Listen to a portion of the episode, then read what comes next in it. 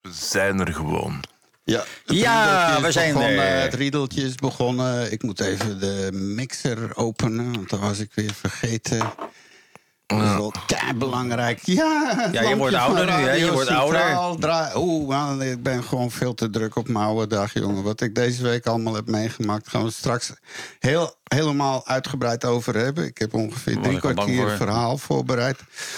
Voor. Maar Zullen we de rest dan al schrappen gewoon van onze lijst?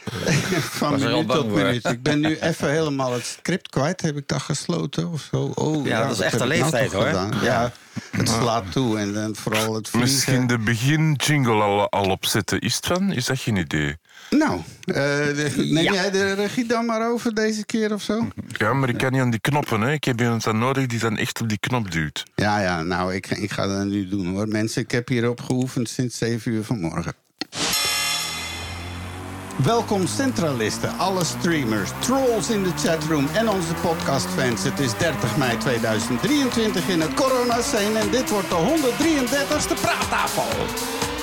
Radio Centraal presenteert de Praattafel. Uw afspraak voor een goed gesprek.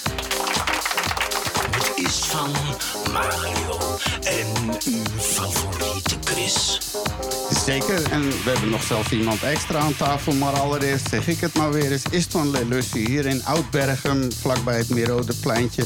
Eh, het is droog, het is eh, zonnig. eh, nog niet echt heel prettig, maar goed te doen. In elk geval, het warme weer is aangeland en we gaan ervan genieten. En ook deze komende twee uur, welkom namens mij. En eh, vanuit Rotterdam, Mario de Gat wederom. Ik zit hier lekker binnen, terwijl het buiten schitterend weer is. En ik zit helaas weer binnen, maar goed, ik heb het er graag voor over, want we gaan er een leuke show van maken. Ja, en uw favoriete Chris is er weer eens bij. Weer eens ben ik erbij. En is het van, we zijn al de 30ste mei. Kan je het geloven? Unbelievable, unbelievable. Ja, het zal wel zijn. En het is er trouwens niks de, de 150ste dag van het jaar. Dus we moeten er nog 215 gaan voor het einde. Maar er is van alles gebeurd vandaag. In het verleden, bijvoorbeeld in 1431...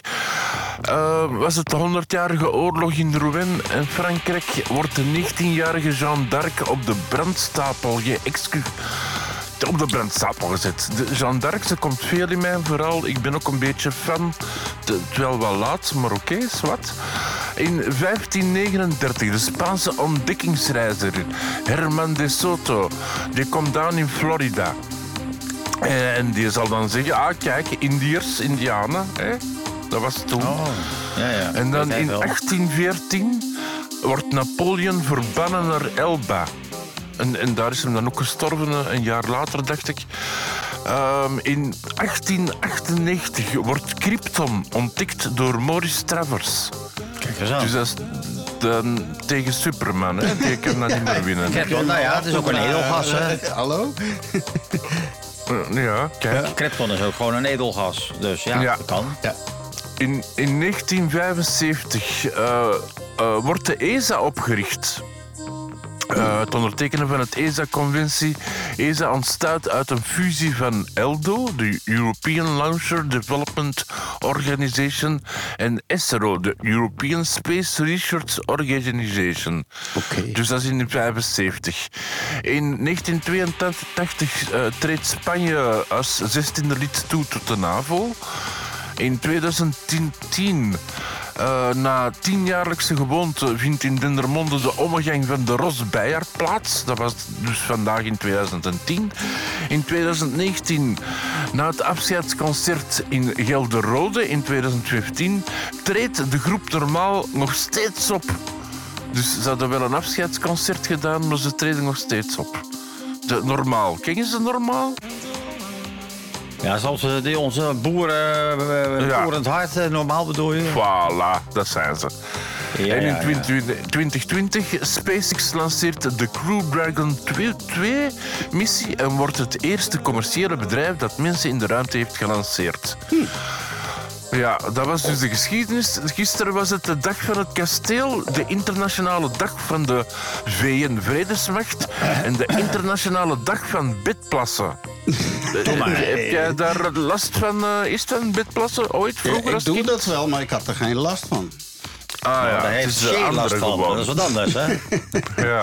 Ja, ja, we hebben aparte matrassen met zo eh, aparte dingen allemaal. En met geurverwijderaars en eh, weet ik veel wat. Ja, dat gaat best Afvoergoten en eh, begrijp het, ja. Ja, kattenkorrels, Ah, kattenkorrels werken heel goed eigenlijk. Oh. Maar het was gisteren trouwens een andere eh, heugelijke dag natuurlijk. Hè? En dat was eh, mijn overgang. De dag van het boterhamzakje. Ja, het boterhamzakje inderdaad. Dat klopt. En vandaag is het Wereld MS-dag. Niet, Ja. niet SM, maar MS-dag. Multiple sclerose. Nou ja. Multiple sclerose. Voilà. Ja. Morgen is het de internationale dag tegen roken en tabak. En de internationale dag van de otter. Want die heeft ook een dag nodig. Oké dan. Eh, ja. Ja. Oké. Dat 1 rond het af- juni. Ja. Ja, ik zal het afronden. 1 juni is het de internationale dag van de kinderen en de Wereldmelkdag. Dat, dat is dan wel goed, hè, zo na de dag van het broodzakje. Eh, vrijdag 2 juni is het Nationale Spijbeldag voor volwassenen. En de internationale dag van de sekswerker. Dus dan moeten we allemaal naar de hoeren. Dat is een vrijdag. Ja, Is ja. Oké. Ja, Die dag, Ja, eh, dat dat doen ze dan korting. Zoals eh, de dag van de winkelier, de dag van de klant... krijg je een extra stukje worst. En Ja. daar krijg je dan een extra blootje Ja, of eh, twee dames voor één. Kan ook Ja. nog. Ja, alles maar Happy voor 10 Hoeker, Albert minuten. dus, eh, Ja. hey. Zaterdag 3 is het Wereldfietsdag, de dag van de muziek en de internationale dag van het bordspel. En de zondag, de vierde, is het internationale dag voor de kinderen die slachtoffer zijn geweest voor de agressie. Het is een beetje, ja, dat, is afgerond. Is het van, dat was het. Maar, maar bu- buiten dagen en, en, en zo van vandaag hebben we inderdaad ook een speciale gast vandaag. Eh, namelijk eh, een turnleraar, een comedian en een organisator van comedy in het Antwerpse, alom bekend. Maar voor de mensen die het nog niet weten, we hebben vandaag Kevin van den Einden uitgenodigd. Goedemorgen, Kevin. Of? Goedemorgen. Ik is iets van in Rotterdam. Mario zit in Rotterdam. Ja. Mario, Mario oké, Mario. dus. Yes. Ja, Istvan is hier. Istvan Ja, dat weet ik, dat weet ik. Ja, ja. Oké. Ja, dus, eh, dat is allemaal de nieuwe technologie en dat gaat allemaal via de bits en bytes vliegt dat allemaal in het rond. Maar eh, de kop is eraf. Eén heugelijke dag wou ik ook nog melden. Gisteren ben ik eh, 66 geworden, dus eh, dat betekent dat ik voor mezelf een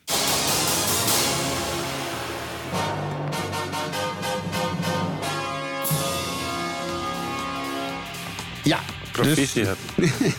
en, eh, ja, het was een heel bijzondere week geweest. Daar gaan we het straks over hebben. Maar eerst gaan we de kop eraf doen. Want dat is altijd wel het idee dat we een kop eraf doen. En dan moet het ding luisteren. Vandaag gaan we het hebben over militairen die een barbecue-cursus volgen. En over chimpansees die synchroniseren. Ik hou van die alliteratie. Dan nog over spelende orka's en camouflerende octopussen. Of eh, getuigende papegaaien.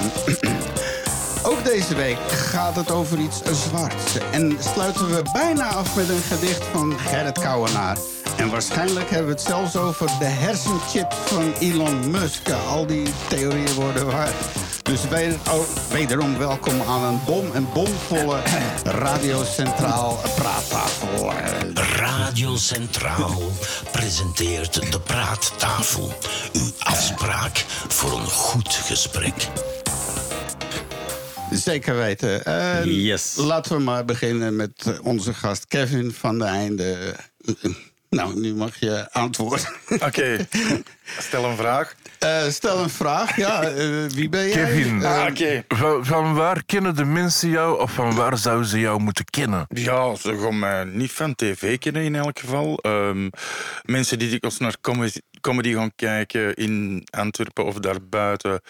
zullen me zeker al wel eens tegengekomen zijn. Ik doe nu ongeveer tien jaar ben ik bezig met comedy. En de laatste jaren, pak de laatste vijf jaar...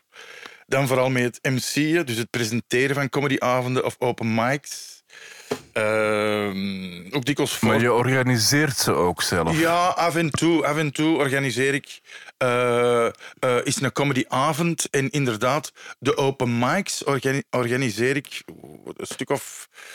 Dan Joker, dat doet de fokken. Dus de vier andere. Ik heb er zo vier die ik organiseer eigenlijk maandelijks eh, tijdens het seizoen. Het seizoen dat begint september, oktober tot mei, juni. Heb ik er vier. Eén in Mechelen, één in Borgerhout. eh, dus de Joker. Ook nog één in Zoersel en één in Bornem. Ehm, heb ik ze nu allemaal gehad? Ik denk het wel. Eh, En die organiseer ik. Organiseren wil eigenlijk zeggen, ik zorg dat, de, dat er comedians zijn, open micers, die komen, komen, komen grappen testen. Ehm, ik praat de avond aan elkaar en ja, de cafébaas of de, eh, de locatie waar dat zich afspeelt, eh, die zorgen voor publiek en geluid.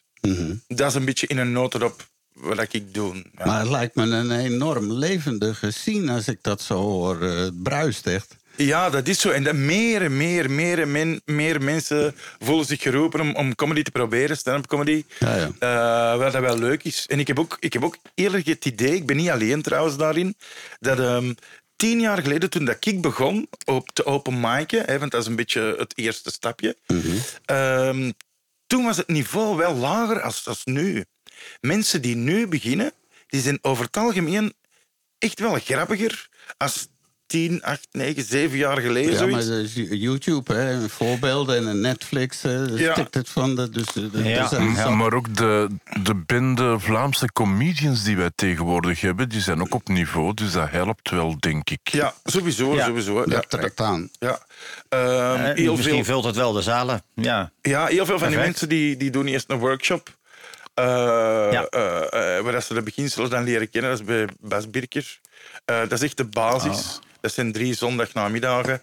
Ehm, en dan krijg je echt de basis mee. En je merkt dat die gewapender zijn ehm, eh, eh, om, om er rond te beginnen. Want er zijn heel veel geplogenheden, wetten en regels. Waar dat je, voordat je met comedy begint, niks vanaf weet. Oh, Oké. Ik ben Ah, trouwens nog even een klein stukje hè, intro vergeten. Als ze tegen je zeggen dat je vergeetachtig wordt, dan word je het ook. Want eh, u kan allemaal meedoen, luisteraars. Zowel op de livestream als hier die op DAB Plus en in FM in Antwerpen luisteren. Je kan gaan naar praattafel.be schuine streep chat.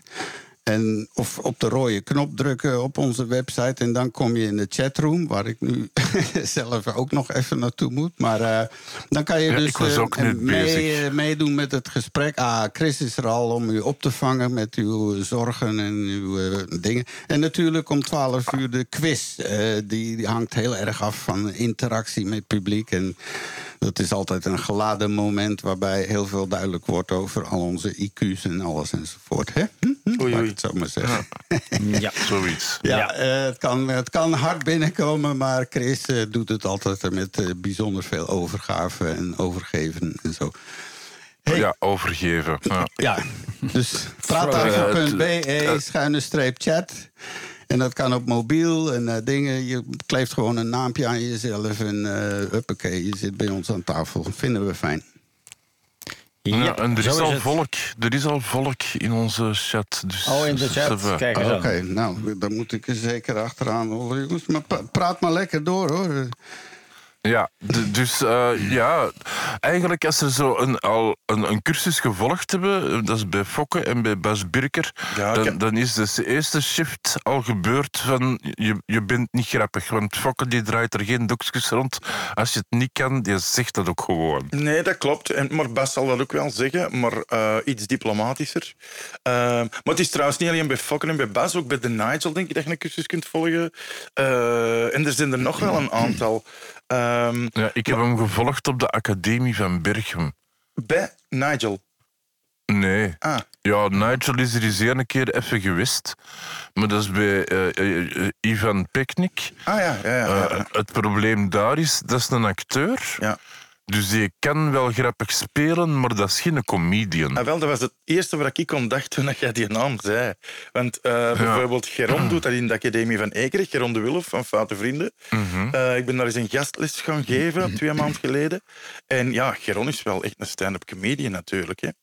Eh, Ja. Dus ik denk dat dat net iets, iets ja, rijker is eh, om daar les te gaan Ja, volgen. ik denk dat ook. Want twee maanden voordat ik afstudeerde, ben ik daar doorgegaan met de woorden: Idioot, gij ze die allemaal niet grappig. En hij antwoordde: Doe de groeten aan Poetin. Oh, dat is wel heel bijzonder, ja. Ja, wat dat niet simpel is, hè. ik ben er al twee jaar aan het proberen. Ik krijg die dus niet te pakken, hè, Poetin. Oké, de KGB is al een paar keer aan mijn deur gestaan voor te vragen wie dat ik was. Maar, maar die een goede dag zeggen, dat lukt dus niet. hè. Dat zijn van die vragen. Heel vreemd. Dat zijn dat van die vragen. Ja. ah.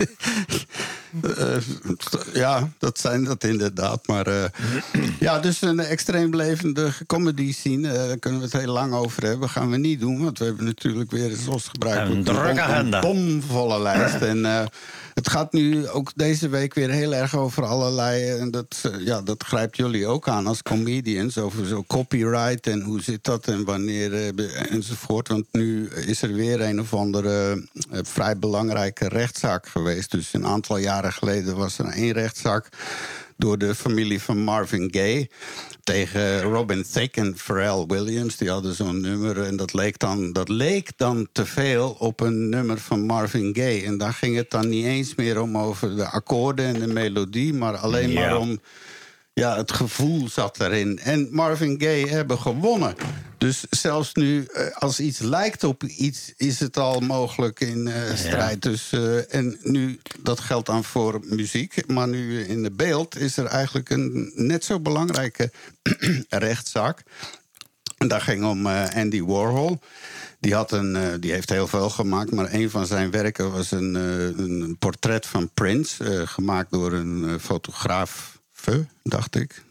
Een dame, dacht ik. eh, Dat weet ik niet helemaal zeker. Maar daar heeft hij zo overheen eh, zitten werken, wat hij altijd deed. En dan kaboef. En eh, ja, nu zijn die fotografen, die heeft toch gezegd... ja, maar wacht even, dat is mijn, mijn copyright, dat is mijn foto. Hij heeft er niks aan toegevoegd. En lo en behold, ze heeft gewonnen. Dus eh, dat is de eerste keer ook dat Andy Warhol een eh, rechtszaak op die manier verliest. Want ja, die, die had een... Het is, het is grappig dat je zegt met comedy, maar er was een, aantal jaren geleden een Franse komiek. En die had enorm veel succes. Die trok volle zalen, alles was direct uitverkocht. Kei grappig. En dan kwam die in België optreden. En, en daar in, in België spreken mensen wel Engels. En die, die hoorden ineens, maar al dat materiaal, dat is van die Amerikaanse comedian. Die heeft dat gewoon vertaald in het Frans, dat is zijn eigen werk niet. En die heeft blijkbaar al jaren had hij gewoon de Engelse comedians vertaald in het Frans met succes. En aangezien Oké. dat Fransen geen Engels spreken, ja, die gaan dat niet merken. Ehm, en, en ja, het is geen comedian niet meer tegenwoordig. Eh, dat is natuurlijk, ja, dat is not done. Hè. Als je heel er eh, alinea's gaat kopiëren en dan vertalen. Het kan natuurlijk altijd wel gebeuren dat er een grap, dat je op een grap komt die al eens gedaan is, waarvan je het niet weet. Hè? Ja. Ehm, dat kan altijd gebeuren. Maar als het heel er alinea's zijn, ja, dan is het wel een beetje eh, schaamtelijk om, om, om, om ja, mijn woorden te wieken en wegen. Zo was er toch ook een eh, issue met die gast hier bij eh, TV1, die, die blonde die ook sport deed en zo. En die stond op podium samen met eh, die acteur. Ja, vrij- ja, al die namen, joh. Ja, je wordt ook 66, hè, Ja, dus die, die oude gara- die garagist van de kampioenen met zijn kale kop. Ah, ja. eh, die is wereldberoemd. eh, DDT. DDT, ja, ja. Jacques Vermeijren. Jacques Vermeijden, Ja, ja, ja. En die deed een theatertourshow samen met die... eh, Ruben van Gucht. Precies. Ja. Nou, en daar ineens eh, Ruben van Gucht voelde zich... want hij had toch heel veel teksten gedaan en zo... en hij zag helemaal niks, want heel de show die was dan van eh, hè, de man. Maar eh, ja, dat was ook zo'n conflict van wie heeft wat gedaan... en wat is je bijdrage. En je moet het beste om het te doen is eigenlijk zoals te horen... van we rekenen eerst even af en dan kunnen we het fijn plezier maken. Weet je dat, ja? maar ja, dat copyright in muziek, dat is, het blijft toch een beetje een moeilijk verhaal. Want als je kijkt naar hoeveel schema's exact hetzelfde zijn met verschillende liedjes, dat is absurd. Ja, Eh, dus hoe, dat kan je bijna niet claimen, denk ik. Nee, Ja, maar ze dat is- gebruiken ook maar vier akkoorden, hè, dacht ik, eh, de meeste liedjes. Ja, als je, als je, ja, je zal maar het blues-schema claimen of het rock. Nee, maar, maar dat, is, dat is juist weer eh, met die Ed Sheeran rechtszaak weer overeind gebleven. Want eh, die zeiden ook van ja, als elk liedje met diezelfde vier akkoorden, dan is het. Dus dat gaan we niet doen. Dus daarom heeft Ed Nee. Sheeran gelukkig weer gewonnen. Dus dat principe, je kan nog steeds een bluesliedje kan- op bluesakkoorden. hè. Ja, maar als je dan kijkt, ja, dan, als, als, ja, waar kom je mee weg? Ik, ik weet niet of het ooit eh, geclaimd is, maar je zou dus nu kunnen zeggen: Ik heb de uitvinding van het wiel gedaan. Eh, tenminste, ik Nou ja, claim dat op zijn minst. Nou, je moet dan een Ja, patent indienen. hetzelfde. Dat kost ongeveer 2 miljoen euro. Maar dat is goed. ja, oké, maar dan kan je wel cashen, zou ik zo zeggen. nou, ga je Een paar jaar geleden heb ik in het FOMU een reportage gedraaid. En dat ging over fotografen. En die keken op het eh, eh, internet naar, naar beelden. En daar gebruikten ze stukken van. En een van de fotografen die knipte uit eh, meubel- en interieurcatalogische spiegels. En die gebruikte alleen de spiegels en wat dat je in die spiegels zag. En, en, en dat was dus een nieuwe tentoonstelling in het FOMU. En een van mijn vragen aan die eh, organisator was: ja, een fotograaf die zelf geen foto's trekt, is het dan nog een fotograaf? En ik, ik sta nog altijd aan het wachten op het antwoord, want ik heb het toen niet gekregen. eh. Ja, poeh. Dat is eh, ja, semantiek, denk ik. Maar eh, oké. Ja, het is eh, strikt gesproken. Heb je natuurlijk gelijk dat het geen fotograaf is. Maar eh, in zijn algemeenheid ja, is het een, een foto. Is, is, het, is, het is natuurlijk gewoon een, een techniek. En veel lijkt op fotografie. Ik vind het een beetje een moeilijk verhaal, dit. Ja. Maar ja, goed. eh, het is zoals het is. Ja, en, en zeker verder. nu met de muziek gaat het, eh, het- We hebben elke week wel weer een, een doorbraak AI-melding. Maar nu heeft Google een tool gelanceerd, Music LM. Hè, zoals gebruikelijk alle links eh, waar we het over hebben bij ons straks op de website in de show notes. Ehm, dat is Yep. text-generated music. En eh, en it's absurdly good, werd er gezegd in de commentaren. En eh, daar gaat het idee dus van... eh, ik wil een eh, Latin dingen met een soort eh, rapachtige tekst... en gooi er ook nog maar wat violen bij.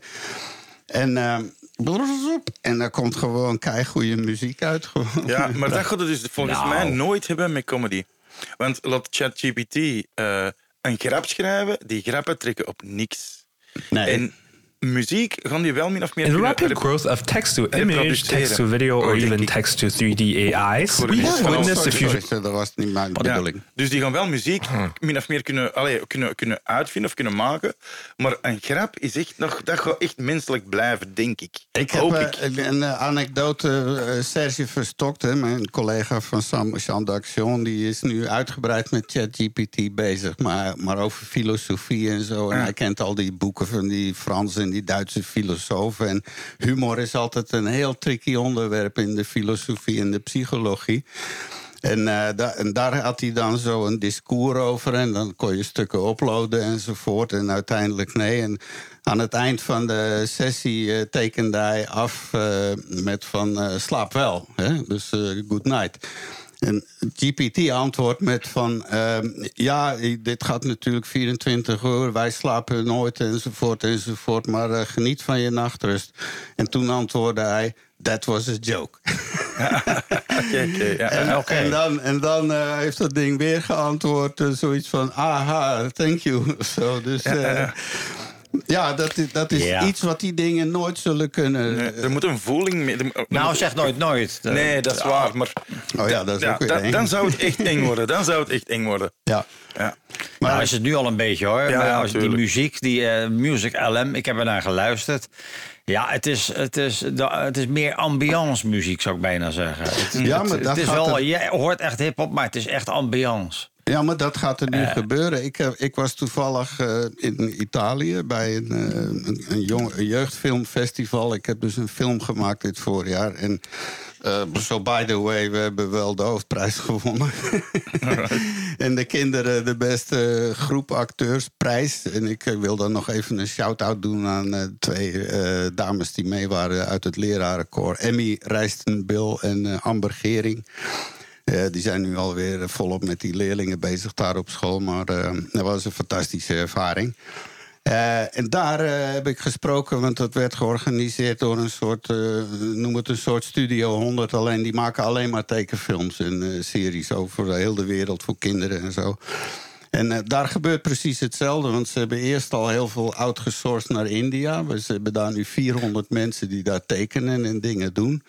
Maar nu met AI, ze zijn nu aan het herorganiseren. Dat worden er waarschijnlijk 30, 40. En die gaan leren hoe ze die AI moeten prompten.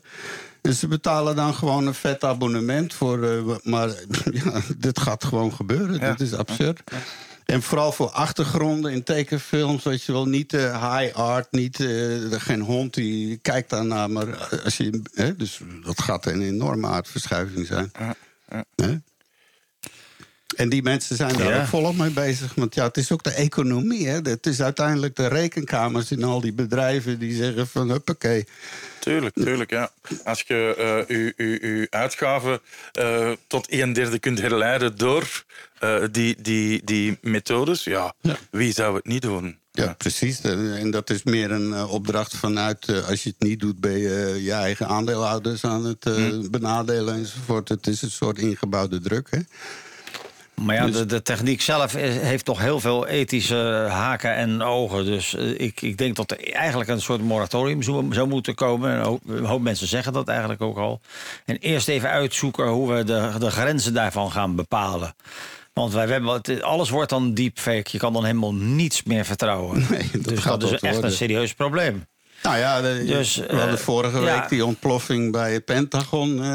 Eén foto die meteen eh, de markt heeft, 500, eh, mil- 500 miljoen. eh, een miljard. dip. Dat is 500 toch- of miljard. 500 verdampt. miljard, dat was het, ja. Dat is dan wel weer hersteld, maar dat was even toch schrikken. Van. Door, door een nepfoto. Dus het is de waan van de dag. En Ja, dat, dat is dus gelijk het probleem.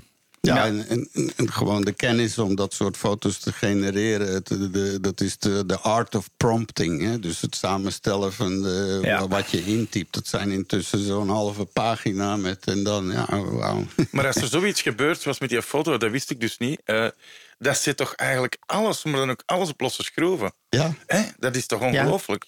Want Ja, ja, dat is als, het ook. Als, als, dat, als, dan, als dat een, een, een sneeuwbaleffect of een domino-effect heeft, die 500 miljard, hè, eh, dat gaat naar de banken, dat gaat naar de mensen hun hypotheek. Dat, dat, dat zit toch alles op losse schroeven? Dat is crazy. Maar daarom, dat, eh, de- dit- zet iedereen, maar iedereen is zenuwachtig en iedereen heeft het erover. Het Ja, is, ja. En het is nu een tsunami die veroorzaakt is door het gewoon heel beschikbaar maken van de paardenkrachten. En de software kan je zo downloaden van, eh, weet ik veel, van Facebook. Je kan je op je eigen eh, computer heel eenvoudig eh, een AI zetten en gewoon zelf trainen. Met alles over rupsen, weet ik veel. Dat kan, hè? Dat is dan iets Ja. trager als ChatGPT. Maar de, de software van Facebook die is gehackt en die is- staat gratis te downloaden. Nou, dan heb je je eigen 7 gigabyte moet je downloaden. En dan heb je je eigen ding gewoon. En eh, Chris is ook bezig daarmee met een ander ding waarmee die liedjes uit elkaar kan halen. Ah ja, de RIP X. Dan kan je eender welk nummer eigenlijk zeggen... ik heb enkel de zang nodig of enkel de bas... of ik ga de drums gebruiken van dat nummer. En is dat Eh, Ach, dat is de vraag, hè. Dat is de, Ja, daarom nee. zitten we hier. Nee, wel de reden waarom ik dat vraag is... eh, Mijn oudste zoon is DJ. En ik weet dat je soms, omdat je liedjes in elkaar moet laten vloeien... dat dat soms handig is eh, eh, van alleen een bas eerst te gebruiken... en dan pas eh, de volgende instrumenten erop te zetten. Ja, ja. Om, om, als in lekentaal Eh, Maar als dat legaal is, ja, dan kan die, dat, dat, die een app of dat programma ook gebruiken... voor dan die liedjes makkelijk in, in, in, Ja, je elkaar kan die te dus laten. ontleden. Het is een betalende versie, maar ik denk een 10 euro per maand of zo. En dan moet je maar Nee, kijken. nee, de mijne is, is software. Hè. Dat kun je gewoon kopen. ah, oké. En die heeft ook een knopje voor DJ's, Ja. inderdaad. Ja, voor, ik heb al enkel eerst een bas nodig. En als het een DJ is, dan denk ik dat dat wel mag, want die betaalt sowieso toch sabam Ja, voor ja, dat ja, nummer. meer. ja, ja, dus of dat hem nu alleen een bas gaat gebruiken of niet, dan maakt dat niet veel uit. Ja. Het probleem is echter, als je zegt, eh, ik heb een nummer van Elvis Presley en ik wil de stem van Elvis Presley gebruiken, maar ik wil daar synthesizer onder zetten of, of zoiets. Dan, dan zit je natuurlijk ergens anders. eh Ja, ja, ja. kwestie van geld en sabam en toestanden. Ah, zo, ja. ja. Ja. Oké. ja. Nou, hey, wat, Ja. eh, ja, hey, wat zou er nou eens gebeuren als er ineens een, eh, toch een, eh, een telefoontje van eh E.T. op aarde binnenkomt? Hè? Dat, is een, Ja. dat is natuurlijk science fiction eigenlijk, maar aan de andere kant, je kan maar beter voorbereid zijn. hè? Zie ik dat verkeerd? Dat is het hele idee achter wat ze nou doen, inderdaad. De, het, het- er is een projectje gestart waarmee ze dus eh, een, proberen een signaal vanuit een baan op Mars naar de aarde te sturen. Sorry, en maar kijken kan hoe jij dat overkomt. Iets harder zetten? Je moet Oh, even, ja, je moet eh, iets even meer- kijken, zoiets. Ja, zoiets. beter, beter. In Ja, balans. Nou zijn we weer, eh, Ja. nu zijn we weer in balans. Maar het is inderdaad zo dat, eh, dat er nu eh, vanuit Mars zeg maar, eh, een, een signaal komt eh, richting de aarde om te kijken wat, eh, hoe we dat moeten aanpakken als we een eh, telefoontje van buiten het zonnestelsel krijgen, zal ik maar zeggen. Ja, niet alleen dat. Mario. Niet alleen dat. Maar eh, het, het bericht, het signaal, staat ook op internet. En iedereen wordt gevraagd: kan je het ontcijferen? Kan je eh, het signaal ontcijferen dat je weet wat dat ze eigenlijk bedoelen met dat signaal? En het doet me een beetje denken aan eh Tweede Wereldoorlog. Met die, eh, Eh, De Enigma. Met de. Enigma. Ja. Eh, ze hebben daar mensen gezocht en dat hebben ze gedaan door een kruiswoordraadsel in de Times te zetten. En degene die de juiste antwoorden instuurde, die weer opgenomen, of die weer toch getest en opgenomen in het team om de Enigma eh, een beetje te ontcijferen. Ja. Dus daar doet het mij een beetje aan denken. Ja. Ehm, maar ja, wat, je kan dus op internet gaan.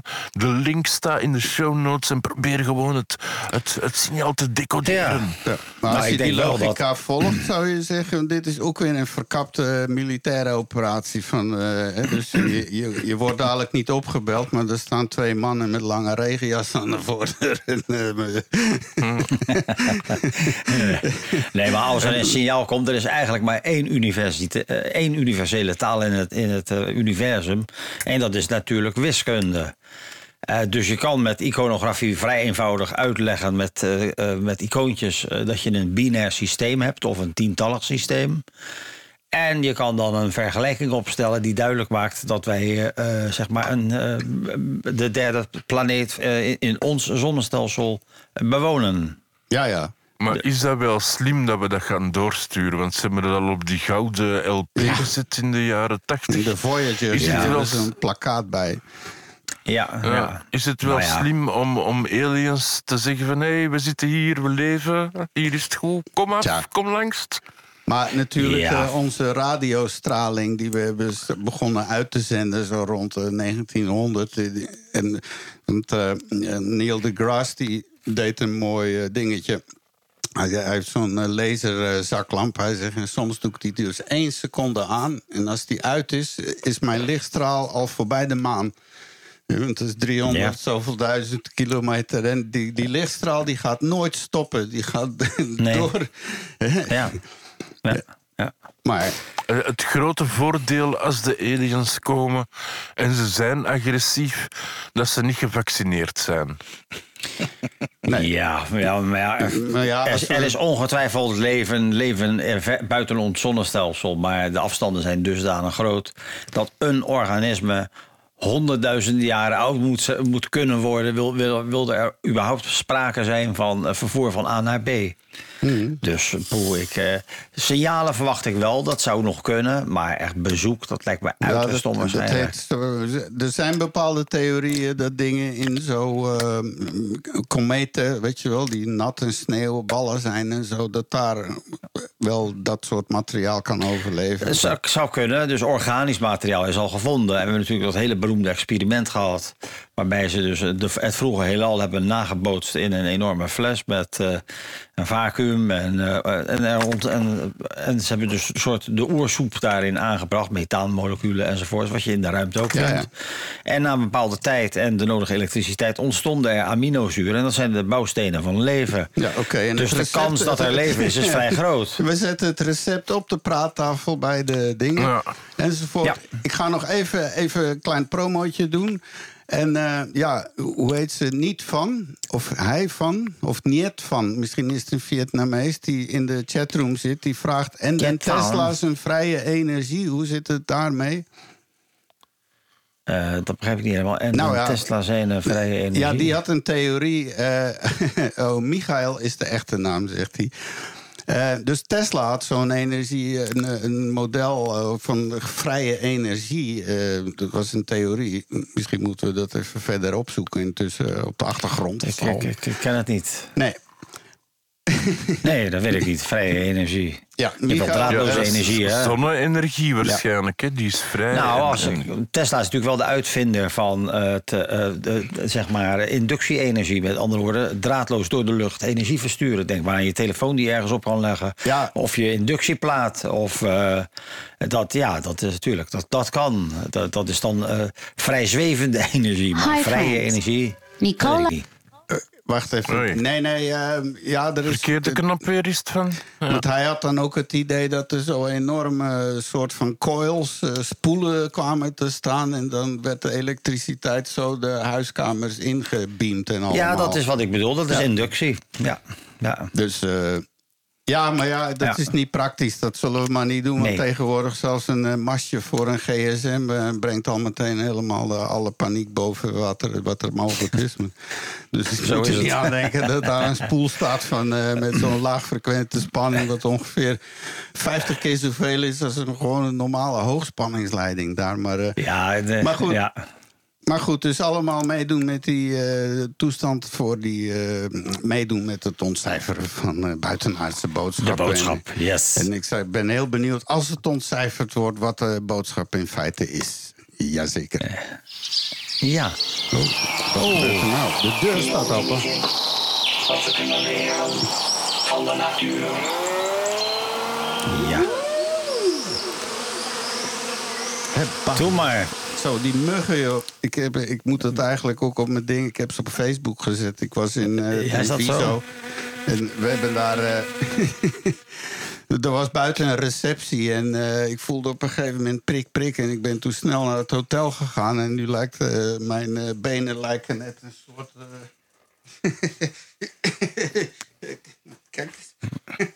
Ja, Kijk, maar, dit is radio, hè? Van- Ja, dat zien wij niet. plaatselijke windpakken aan de kaart. Maar Ja, heel veel, heel veel, ja. ja. Dat zijn Dus, zulke eh, beten heb ik hier van zo lang als een leven nooit gehad. En ik heb er iets van 30, 40 zo. eh, En dat is in amper 10 minuten gebeurd. Want ik had het Ja. toen in de gaten en toen ben ik heel snel terug naar het hotel gaan stappen. Maar En blijkt- jij bent de enige of hadden meer mensen daar last nee, van? nee, ik kon- nu berichten bij vorige edities dat sommige mensen zelfs aan de antibiotica moesten. En, eh, en er is er één die had toch wel echt een, eh, bijna een soort shock. Die had wel Oké. honderden steken. Nou, jullie vonden de, de, de huur al zo laag van dat zaaltje. Nee, dat was het stedelijk theater van Oh. de gemeente Jesolo. Het Teatro Antonio Vivaldi. En, en ze zetten dan alle deuren en alles. Maar vlak achter dat ding ligt een soort moeras, lagune. En eh, yes, yes, probleem. Oké, nou ja. Het is zoals het is. Ja. Nog één vraag van de Eh. chatroom voordat je start, Mario. Eh, weet iemand hier ook iets over genetica en wat de maximale gezonde lengte is voor een volk? Wauw. Ja, want dat zegt er wel bij is Ja. van Ja. dat eh, na de Nederlanders zijn de Belgen nu de tweede langste volk. Oh, kijk eens aan. Dus, eh, Nou ja, ik weet wel dat, dat eh, het komt. eh, over het algemeen wordt de toegenomen lengte wordt, toegeschreven aan het feit dat we veel comfortabeler zijn gaan leven. En dan met name de CV heeft veel betekend. En, de, en met name voeding ook. Eh, en dus ja, wat, wat is, eh, er is denk ik niet echt een, een gemiddelde lengte of zo. Maar eh, ja, het, het zal altijd verschillen. En de, de Nederlander is nu ook weer wat kleiner aan het worden. Het, heeft, het is natuurlijk gewoon evolutie. Ja, als je kijkt naar bijvoorbeeld eh, de, mensenachtige. Als je bijvoorbeeld op het Indonesische eiland Flores heb je een hominide gehad, een mensachtige. Dat is Australopithecus eh, eh, even kijken, florensius. Eh, die is gewoon kleiner geworden omdat het handiger was, omdat het eiland klein was en de beschikbare hoeveelheid voedsel was beperkt. Ja. Dus, dus het zijn allemaal factoren die bepalen hoe je, eh, hoe je groeit, zou ik maar zeggen. En als je kijkt naar de wereldrecord eh, dinges van de grootste mensen. Er is een Chinees, denk ik, die, die twee meter N is. Die, die loopt met krukken of die loopt Ja, bijna maar ja, dat niet. is een Dus aandoening. denk- hè? Eh, Ja, Ja. Dat, is, dat is aandoening. Dat is acromegalie. Eh, denk maar aan bijvoorbeeld eh, eh, zeg maar Jaws uit die film uit James Bond. Die, die vindt met dat ijzeren gebit. Ja. Eh, dat, zijn, eh, dat is gewoon een aandoening van, van eh, een genetische aandoening, acromegalie. We hadden de reus van Rotterdam. Er staat nog steeds een standbeeld in Rotterdam ergens in een park. Dat, die, die was ook 2,20 meter of zo. Ja, dan word je nooit echt oud natuurlijk. Ja. Gigantisme. Maar eh, nu even jouw gigantische onderwerp. Want intussen eh, zijn we wel benieuwd hoe het zit met stretchable surfaces with programmable 3D act texture morphing Yes. for synthetic camouflaging skins. Beste mensen, dat is gewoon friet Ja. mayonaise. Hè? Kom op. Nou, kijk, het gaat er eigenlijk om. Het, ik, ik, ik heb natuurlijk het biomimicry eh, rubriekje van wat kunnen we leren uit de, de natuur. En ik wilde het dit keer hebben over inktvissen. Eh, en eh, de, de toepassingen die wij daaruit kunnen halen. Inktvissen, dat zijn cephalopoda. Dat klinkt duur, maar dat betekent koppotige. En dat kan je ook wel zien, want hun poten zitten aan hun kop. Eh, dus ja, eh, en, ze- en ze, ze worden vaak inktvissen genoemd als ze een inktachtige stof kunnen spuiten, althans een donkere kleur. Ze komen trouwens voor in alle wereldzeeën. En wat bijzonder is, ze kunnen van kleur veranderen. En ze groeien ook snel. Ze hebben ook over het algemeen een heel kort leven, zo twee jaar. Eh, er zijn wel uitzonderingen natuurlijk. Eh, en het zijn allemaal carnivoren. Eh, dus eh, die, eh, het is zoals het is. Het zijn ook hele slimme dieren. Met name de octopus. eh, dat is eigenlijk eh, zo'n beetje de, de, de, slimste, eh, het slimste dier zonder een ruggengraat. De, de, de weekdieren, zeg maar. Eh, dus met andere woorden, een ontwikkeld zenuwstelsel. Eh, en eh, ja, verder, kan je er verder over zeggen? Ze hebben drie harten, dat is ook iets- zoiets. Dat is toch wel heel bijzonder eigenlijk. Maar goed, alle octopussen zijn trouwens giftig, maar er is er eentje die is echt dodelijk. Dat is de blauwgeringde octopus. Dat is een naar beestje, daar moet je echt voor oppassen. Hij is wel gelukkig hysterisch. die ring op, zijn, op die tentakels, die zijn echt hysterisch blauw. Dus dat zie je ook geloof gelijk. Maar met name die camouflage, dat is geniaal van die dieren. Want ja, ze hebben geen eh panzer waar ze in eh, zich kunnen terugtrekken. Het zijn weekdieren, dus eh, ja, je moet op een andere manier zorgen dat je niet bejaagd wordt. Nou, wat, eh, wat hebben we eraan? Je hebt een, eh, een- onderzoek eh, door de Cornell U- University, gefinancierd door het leger. Is er een me- membraan gemaakt dat de huid van de octopus nadoet, nabootst eigenlijk. En dat zou de manier van camouflage drastisch kunnen veranderen. Want hoe werkt dat bij een octopus? Ik, hebben het, ik heb het nu niet over de kleur veranderen, maar de textuur veranderen. Voelt een octopus zich bedreigd, dan kan hij binnen twee tiende seconden zijn camouflage aanzetten. En dan in zijn huid zitten papillen. Dat zijn eigenlijk piepkleine eh rastertjes van spieren. En waardoor eh, stukjes rechtop kunnen gaan staan of een vorm kunnen aannemen in die huid. En eh, dus dan verandert zijn complete textuur. Zijn huid is niet meer gl- glad, maar die ziet er bijvoorbeeld dan uit als een rots. Bij, of als die toevallig op een rots ligt. Of een zandstructuur. En is er niets aan de hand, dan maakt hij zijn huid weer glad. En dan kan hij weer met zo weinig mogelijk weerstand het, het water doorgaan. Dus veel dieren hebben dit soort papillen, maar eh, die kunnen ze lang niet allemaal omhoog zetten. En octopussen zijn daar de meeste in. Nou, wat hebben ze nagebouwd? Die huid. Ze hebben een soort eh, een, een vel gemaakt van siliconen, rubber en gaas, eh. Het is nog primitief, van kleur veranderen kan het niet. Maar het kan wel de ondergrondstructuur aannemen. Dus het, het maakt gebruik van, zoals ik al zei, van een gaas van synthetische vezels. Die in een laken of in een ma- matrix zijn gelegd. Die als het ware die spiertjes van die octopus nabootsen. En de manier waardoor, het, eh, waardoor zeg maar, die huid opbolt door die gaatjes heen. Moet je een beetje denken, je blaast een ballon op in, in een kooitje van kippengaas. En dan zie je uit die vierkantjes bolletjes komen. Zo, Ah, dat ja. is het principe eigenlijk. Alleen dan in, eh, in, eh, de, in de overtreffende trap. Ze kunnen zelfs nu een, een plant nabootsen met zo'n pak. Wauw. Dus in plaats van eh, alleen, eh, eh, dus in plaats van alleen aan of uit te zetten, dwingen die vezels in dat materiaal de silicoon omhoog te ballonneren en voorgeprogrammeerde vorm aan te kunnen nemen. Dat is toch heel bizar. Nou, nou, wat je dan zeker. ziet. Ja, dus, eh, dus het Amerikaanse leger is waanzinnig geïnteresseerd in dit onderzoek. Ze betalen er ook Wel, voor. ja. Ja, het is een camouflage. kopen, aandelen kopen. Ja, ja, ja. Maar de ingenieurs zelf die daarmee bezig zijn, die denken al veel breder. Die denken bijvoorbeeld, we zouden vellen van siliconenrubber kunnen maken met dat systeem, opsturen naar een klant. En die blaast de klant vervolgens op met peurschuim en je hebt een meubel. Heb je? ja. Dus dat is eigenlijk mijn, mijn verhaaltje van deze week van, van de, die wonderlijke octopus en wat we ervan hebben kunnen leren. Alright. Ja, Oké. maar het is wel een maf principe, hè? Ja, ik, ik ben er wel benieuwd naar. Ik heb eigenlijk nog een vraag voor onze gast. En, en dat is zo van, je zei, de, mensen tegenwoordig ze zijn al beter als ze begonnen. Wanneer ben jij eigenlijk begonnen? Hoe, hoe, hoe, en, en vooral, dan, wanneer wist je dat je grappig was en dat je dat wou uitproberen?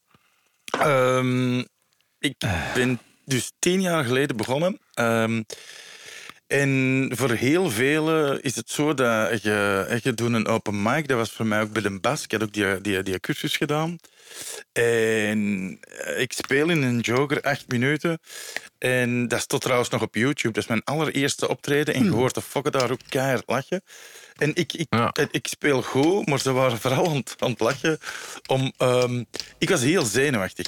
En ehm, eh, eh, ja, dat zag. Dat zag je ook. En dat kwam nogal ontwapenend en grappig over. En het is zo, ik, was, ik had een papiertje in mijn achterzak. En ehm, ik wist niet meer met welke zin dat ik moest beginnen. Door de zenuwen. Dus ik zeg dat ook tegen het publiek. Ik zeg, ah shit, ik, eh, je ziet dat allemaal op dat filmpje op YouTube. Eh, ik, ik, ah, ik weet niet meer, wat was nu weer de eerste zin? En ik zeg uiteindelijk, oké, ik, ik moet mijn papiertje pakken. Sorry, want ik ben te zenuwachtig. Ik pak mijn papiertje. En de eerste zin was... Ik was totaal niet zenuwachtig voor dit optreden. Dus eh, die contradictie gaf heel veel lach. En het, feit dat, dat eh, net voor ik, als, als ik opkwam, en voordat ik dus de eerste zin ga zeggen, ehm, ik had eh, in de pauze echt bijna een paniekaanval van de stress. Niet normaal. Ik wilde daar gaan lopen, maar ik heb dat niet gedaan.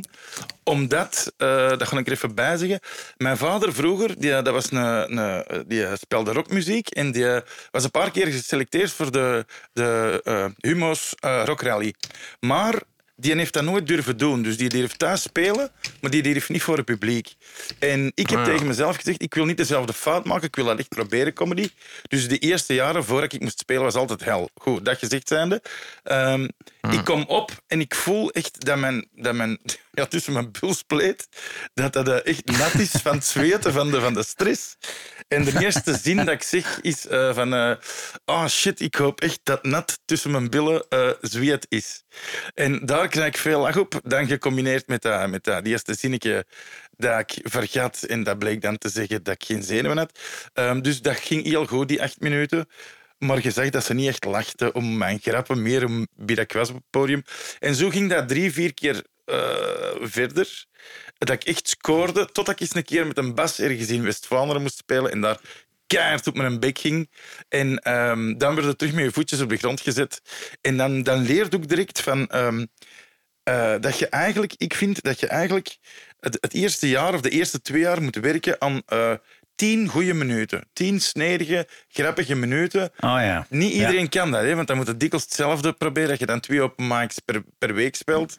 Ja, dan moet altijd om diezelfde tien minuten werken, maar dan krijg je wel tien heel goede minuten, waardoor dat je al eens een voorprogramma je kunt doen. Je zo. comfortzone. Ja. Ja, ja, ja, voilà. Niet iedereen kan dat. Ik heb dat toen wel gedaan. Ehm, maar wanneer weet je dat je grappig bent?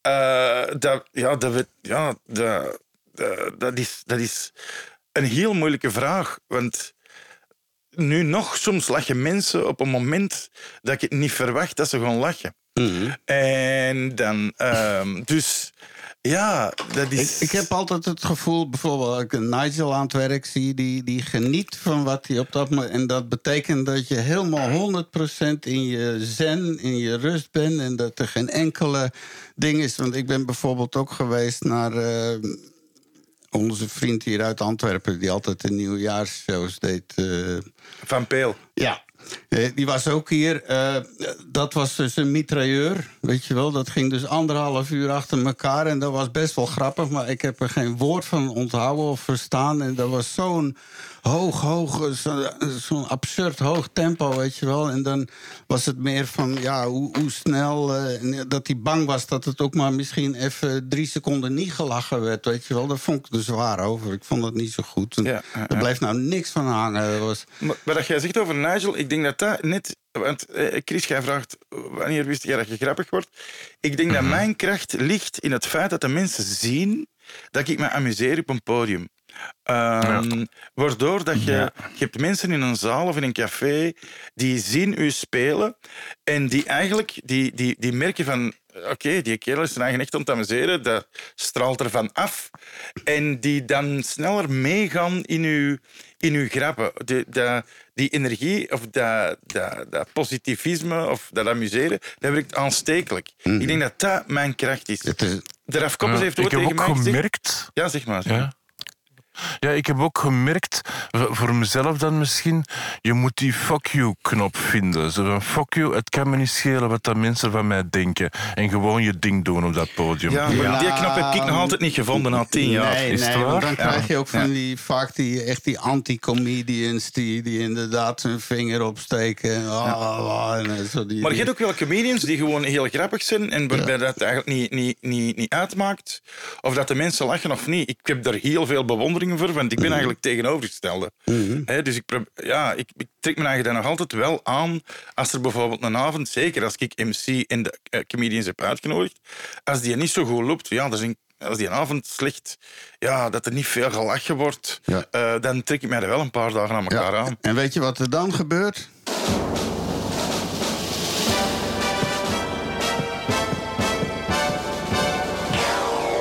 En veren. Deze keer Zeker, dan eh krijgt zo'n iemand pek en veren over zich heen... en wordt hij op een, eh, op een staaf eh, de zaal uitgedragen. Gaan we niet doen natuurlijk, maar we- gaan even beginnen in India... want er waren twee itempjes opgedoken die allebei... het is weer vandaag dan over onze India's medeburgers...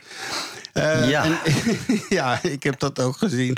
Dus een ambtenaar, een Indiase ambtenaar, die voer met zijn eh, bootje met wat mensen voor een bezichtiging over een, eh, een zo'n reservoir, een, een landbouwreservoir, daar ergens in een van de droogste stukken van eh, India enzovoort. Ja. En ja, Mario, ja, doe maar. Ja, die, is, die, die, nou, die ambtenaar is eh, geschorst. Want hij heeft inderdaad zeg maar, zijn telefoontje laten vallen. En denkt van shit, die moet ik terug hebben. Nou, weet je wat ik doe? Ik laat dat water wegpompen. Dus er is 2 miljoen liter water heeft hij laten wegpompen. En hij heeft zeg maar, zijn telefoontje gevonden. Ja. Eh, het was dus eh, eigenlijk... eh, eerst hebben ze dus geprobeerd met, heeft hij het geprobeerd met duikers. Dat lukte niet. En toen heeft hij een dieselpomp laten komen. En dat is natuurlijk knettergek. En na een paar dagen kwam ook een collega kwam erachter van... nou, dat is toch echt niet de bedoeling. De pomp gaat stil. Ze hebben daar sowieso al een probleem met water. En, eh, de, de, en die geschorste ambtenaar die, die zei dan inderdaad... hij moet gered worden, die telefoon. Want er staat gevoelige informatie van de overheid, op. Maar dat slaat natuurlijk helemaal Nee, nergens. nee, nee, nee. nee. Eh, en Dat- hij, is ook, dat- eh, hij heeft het ook niet meer gedaan, hè, die telefoon. Dat Dus doet mij ja, een klein beetje denken. On, een aantal jaar geleden was er zo een, een beveiligingsagent in een museum. En die, die, die, een bewaker die verveelde zich. En die had dan op een van de schilderijen had hij twee oortjes getekend uit verveling. Maar ja, peperdure schilderij natuurlijk. Dat doet mij daar een beetje aan denken. Oké, verveelde ja. zich en uh, oogjes tekenen Ja. op kunst. Maar ik kan me daar van alles bij voorstellen. Maar ik heb wel gelezen dat dit een zware aanslag was. Want dat was gewoon de zomervoorraad van een heel... eh, ik weet niet hoeveel honderden hectare landbouwmennen enzovoort. Dus dit is echt... eh, maar ja, dat is zo dan Ja. in dat feodale systeem. Hè. Zo iemand die eh, wordt normaal op zo'n draagtroon rondgedragen en weet ik veel. En iedereen doet alles wat hij zegt. En ik, kan al, ik hoop dat dat gefilmd is als dat ergens opduikt. Ik zou dat gekakel wel willen horen. Dus, eh, Toen we denken aan zo'n verhaal wat je eh, jaren geleden hoorde... ergens bij de eh, Arabische Emiraten. Dat daar dus inderdaad eh, de, het strand eindelijk schoon is gemaakt... omdat zeg maar een eh schat hemelrijke eh, sh- zoon van, van, een, van een sheik of zo... aan het water eh, skiën was. En hij, en hij zag wat, wat eh, als enige en hij, zag, eh, en hij is door, het, door de olie heen getrokken, zeg maar, daar, door een lek. Ja, en dan, eh, normaal heb je daar geen toerisme, want niemand gaat daar zwemmen. En ja, en, en, vanwege dus een watersport, dan wordt er dan, men worden dan een paar miljoenen uitgegeven om, om de kust schoon te maken. tja. Beetje hetzelfde idee. Ja, maar de laatste voetbalwereldkampioenschappen in Qatar, daar hadden de, de stadiums airco. Kan je je dat voorstellen? Eh, Ja, een ja. voetbalstadion met airco. Ja, ja, en je Ja. zag die toeters zitten en buiten was het 40 graden... en op het veld konden ze dat omlaag brengen tot 6, 7, soms 28 Ja, maar ja, eh, dat klinkt heel erg ver- verkwistend. Maar, maar denk ook even aan eh, Amerika en aan zeg maar het, het, het gokpaleis. Eh, hoe heet het daar ook alweer? Las Vegas. Las Vegas. Dat is, dat is midden in de woestijn. Er is, er is helemaal niks. En kijk eens daar, overal staan de gazons groen te glimmen. ja, En, dat is eh, geverfd. dus- dat is geverfd. Ja, maar nee, nee, ik ben er geweest. Ik ben er geweest in Las Vegas. En er heb ook terrassen waar dat, als je buiten zit en je hebt een overkapping, en dan wordt daar ook constant eh, nevel, nevel gespoten. Ah, ja. Eh, eh, dat dat Ah, op en oké. neer daalt, wa- waardoor het veel frisser is. Ja. Ja. En volgens mij was dat ook in die stadia in Qatar, denk ik ook, die nevel. Hebben dat ze ook gebruikt, kunnen. zeker alles. Maar ja, de- de- volgens hun was die energie voor dat hele gebeuren helemaal totaal. Want ze hebben natuurlijk zon genoeg en zo. Dus dat was volgens hun allemaal helemaal eh, eh, carbon neutral opgewekt. Dus eh, En althans. we moeten het niet zo ver zoeken, is het van, want het, het Belgebouw hè, hier eh, oh, oh, in Antwerpen, blijkbaar wordt er eh, jaarlijks een water weggepompt, omdat anders de kelder onder water staat. En dat wordt gewoon weggepompt, dat water, al jaren. Want ik denk dat ze de, die een blok al twee keer gerenoveerd hebben, dus die staat er al heel lang. En sinds het begin pompen ze water weg. Maar deze jaar hebben ze beslist, weet je wat, we gaan dat water niet zomaar wegpompen, we gaan het stadspark daarmee vullen. Want dat staat al jaren zonder water. Ah, ja. En ik ben daar inderdaad gepasseerd en inderdaad, er is terug water in het stadspark. Nou ja, want ik heb het ook meegemaakt dat dat ineens dan helemaal leeg was. Dat was door die werken met die metro. Bij ons in de straat was dat toen nog en zo. Eh, Oké. Ja, en en dan ineens is heel zo'n vijver helemaal kurkdroog. En dat bleef jarenlang. En dat werd dan gewoon zo echt wild groeien. En dan, dan werd het water weer terug. Maar dan verdween het ook weer en zo. Dus echt zo'n gaan en komen vijver. hey, nog één itempje. Maar we moeten nog even nog een oproep doen. Kom meedoen voor de quiz. Die begint over een minuut of eh, drie, vier. Intussen gaat Chris zich afzonderen naar de kleedruimtes. Ja. De kat krabt de eh, krullen van de tak. En de eh, glimmend jasje aan en een glimmende hairdo en glimmende schoenen. Want het wordt een shiny Ik heb vandaag ook zo'n strik met lichtjes in die pinkelen. Zo, Ja, het is zo'n strik. Ik heb die eerst speciaal voor verstaan. vandaag. Ah ja, dat heb ik ook, maar die neem ik niet aan. Oké, oké. Oké. Oké, niet van is er al, maar als je mee wil doen, kom dan naar eh, praattafel.be slash chat of praattafel.be, de website en dan een rode knop. En dan ben je mee aan tafel en dan kan je straks grappig meedoen en je steekt van alles op. En het is toch wel kei spannend altijd wie Ja, uiteindelijk wint en zo erg. Oh, nog, nog één eh, Indiaas ding, hè, hadden we gezegd. Een eh, papegaai is getuige van moord en praat daders aan de galg. Eh, wie wie Mooi, hè? weet daar de details van? Ja, eh, we hebben het al, we hebben- jullie hebben het niet kunnen lezen. Het is inderdaad wel een heel bizar gegeven. Maar inderdaad, het nu aan het lezen, Een papegaai is, er, is erin geslaagd om een moordzaak op, te, eh, op te lossen. Ja. Ja, hij, eh, hij was de enige getuige van de dood van zijn bazin en haar hond.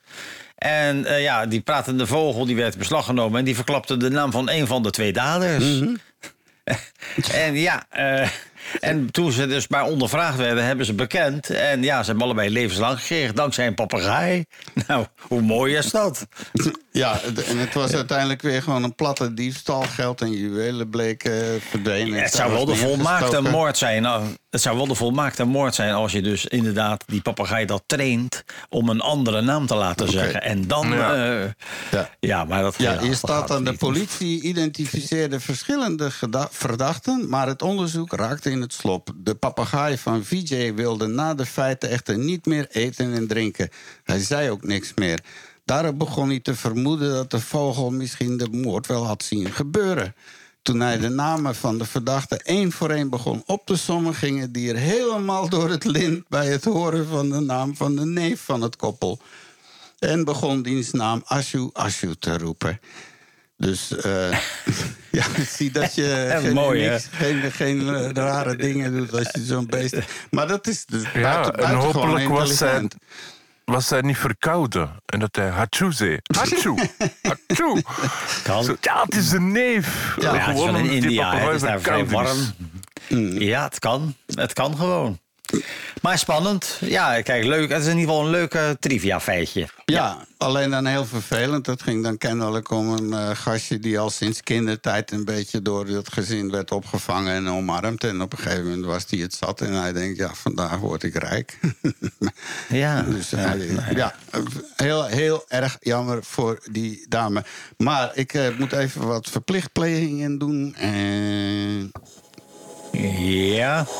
luistert naar Radio Centraal op FM 106.7, DAB+, en livestream. Goedemiddag, wakkere praattafel podcastluisteraars op Radio Centraal. En welkom op de quiz van onze favoriete quiz. En voor vandaag hebben we weer een dozijn kakelverse, boeiende vragen... waar we graag ook antwoorden op zouden willen krijgen.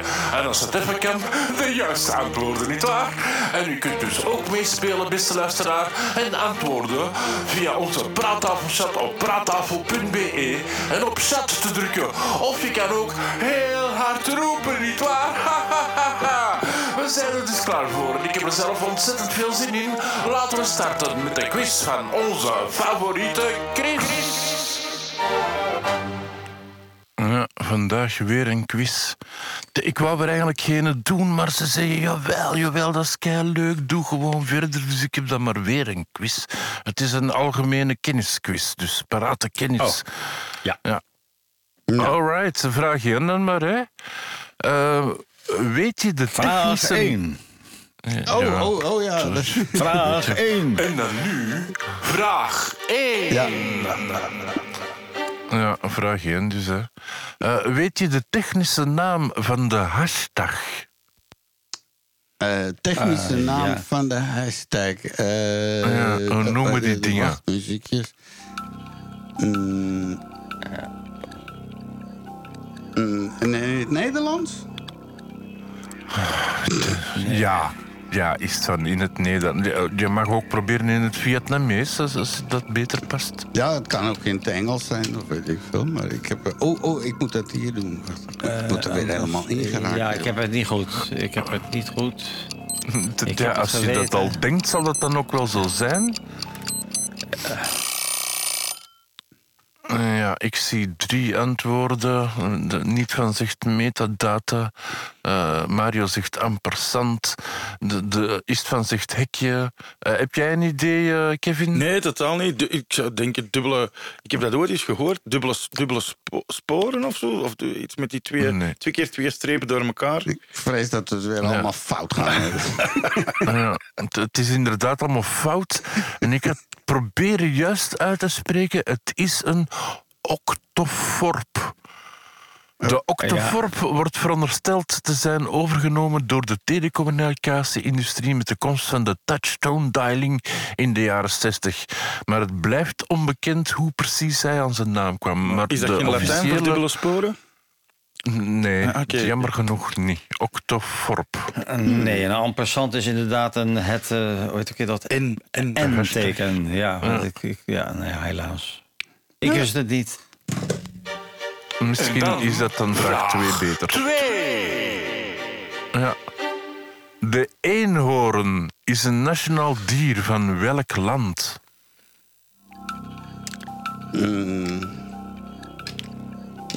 Ja. De eenhoorn. Van welk land? Eh. land van... Ja, ik weet dat het geen echt dier is, Mario, dat dat niet echt jouw ding dan is. Nee, nee. Maar landen misschien wel. Wacht En even. dan- eh, ik, ja, oh, ik moet nog even snel. uitleggen. Normaal eh, doen we het antwoord. eh, Oh, dus je typt het antwoord in in de chatroom. En dan wacht je tot het wekkertje afloopt en dan pas enter. Hè. Dan kan je niet van elkaar Ja. afkijken. Dat is even uitleg aan onze gast, niet van eh Michael.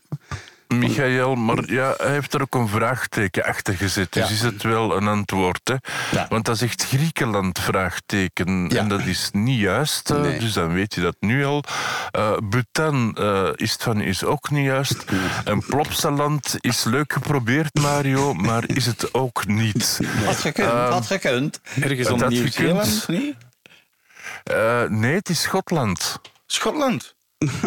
Yes. Oké. Ja, Schotland, ja. Dus omdat ze er ook zo heel veel drinken, hè. Dat is zo... eh, Ja, take a unicorn, man. Ja. En een stier had met één hoorn en een half bezopen gezegd van nou, dat gaan we doen. Ja. Wie zal het En dan zeggen? zitten we al aan vraag drie. Oh, om te antwoorden, Mario, wie zal het zeggen? De Schotten waarschijnlijk. Hè? Vraag 3. In welk jaar is het rollerballetje in de computermuis uitgevonden? Kijk, dat is dat nu eens een vraag, vind ik. Ja, maar wie het dichtst erbij zit dan. Hè, want de, de, Je mag tien jaar. Tien jaar mag je verschil hebben. En dan zitten we al aan vraag Oh, oh, ik, dat is het verkeerde. Ik bedoel, het wachtmuziekje. Ehm, ja. Ehm, Gezondheid. eh, dat was, Dank u wel. Het rollerballetje in de computermuis. Nee, wacht even. ja, ik weet wel waar het gebeurd is. Ja, vertel.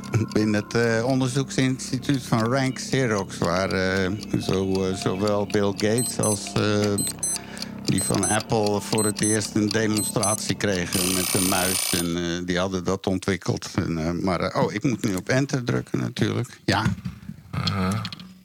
En wanneer- weet je welk jaar dat, dat was? Eh, ik heb de docu en alles gezien. En Ik, volgens mij berekening ergens in de buurt van 64. Kan iets later dat geweest is- zijn. Ik zeg Ja. 72. En, en Mario zegt 85 en Michel zegt 63 en jullie zitten er allemaal dik naast. Want het was in 46. Oké. Zo, doe maar. Ja. Maar jij Oh, zegt wauw. 64. Is het van? Ja, ja. Ja, dyslectisch misschien. Ah, ja, Ja, tuurlijk. ze- Oh, hij- oh, hij tuurlijk. Oh, nog- shit, het tuurlijk. was een type. Ja, hij wordt, ja, hij wordt ook ouder, dus ja. 65 al, ja. Eh, Oké. Eh, was dat in 99? 66. 66. Oh, 67. 66, ja. ja. En dan eh, de 64. Ging vroeger En ging dan naar de jaren vraag vier. Ja, misschien is dat wel dat, dat iedereen dit wel weet. Hoeveel druiven, en dan heb ik het over kilo, hoeveel druiven zit er in één fles wijn? Ongeveer, bij benadering. Eh, Oké. Je mag er een kilo of twee naast Toch zitten. weer. Wacht even. Ja, zo. Hoeveel druiven. Oké.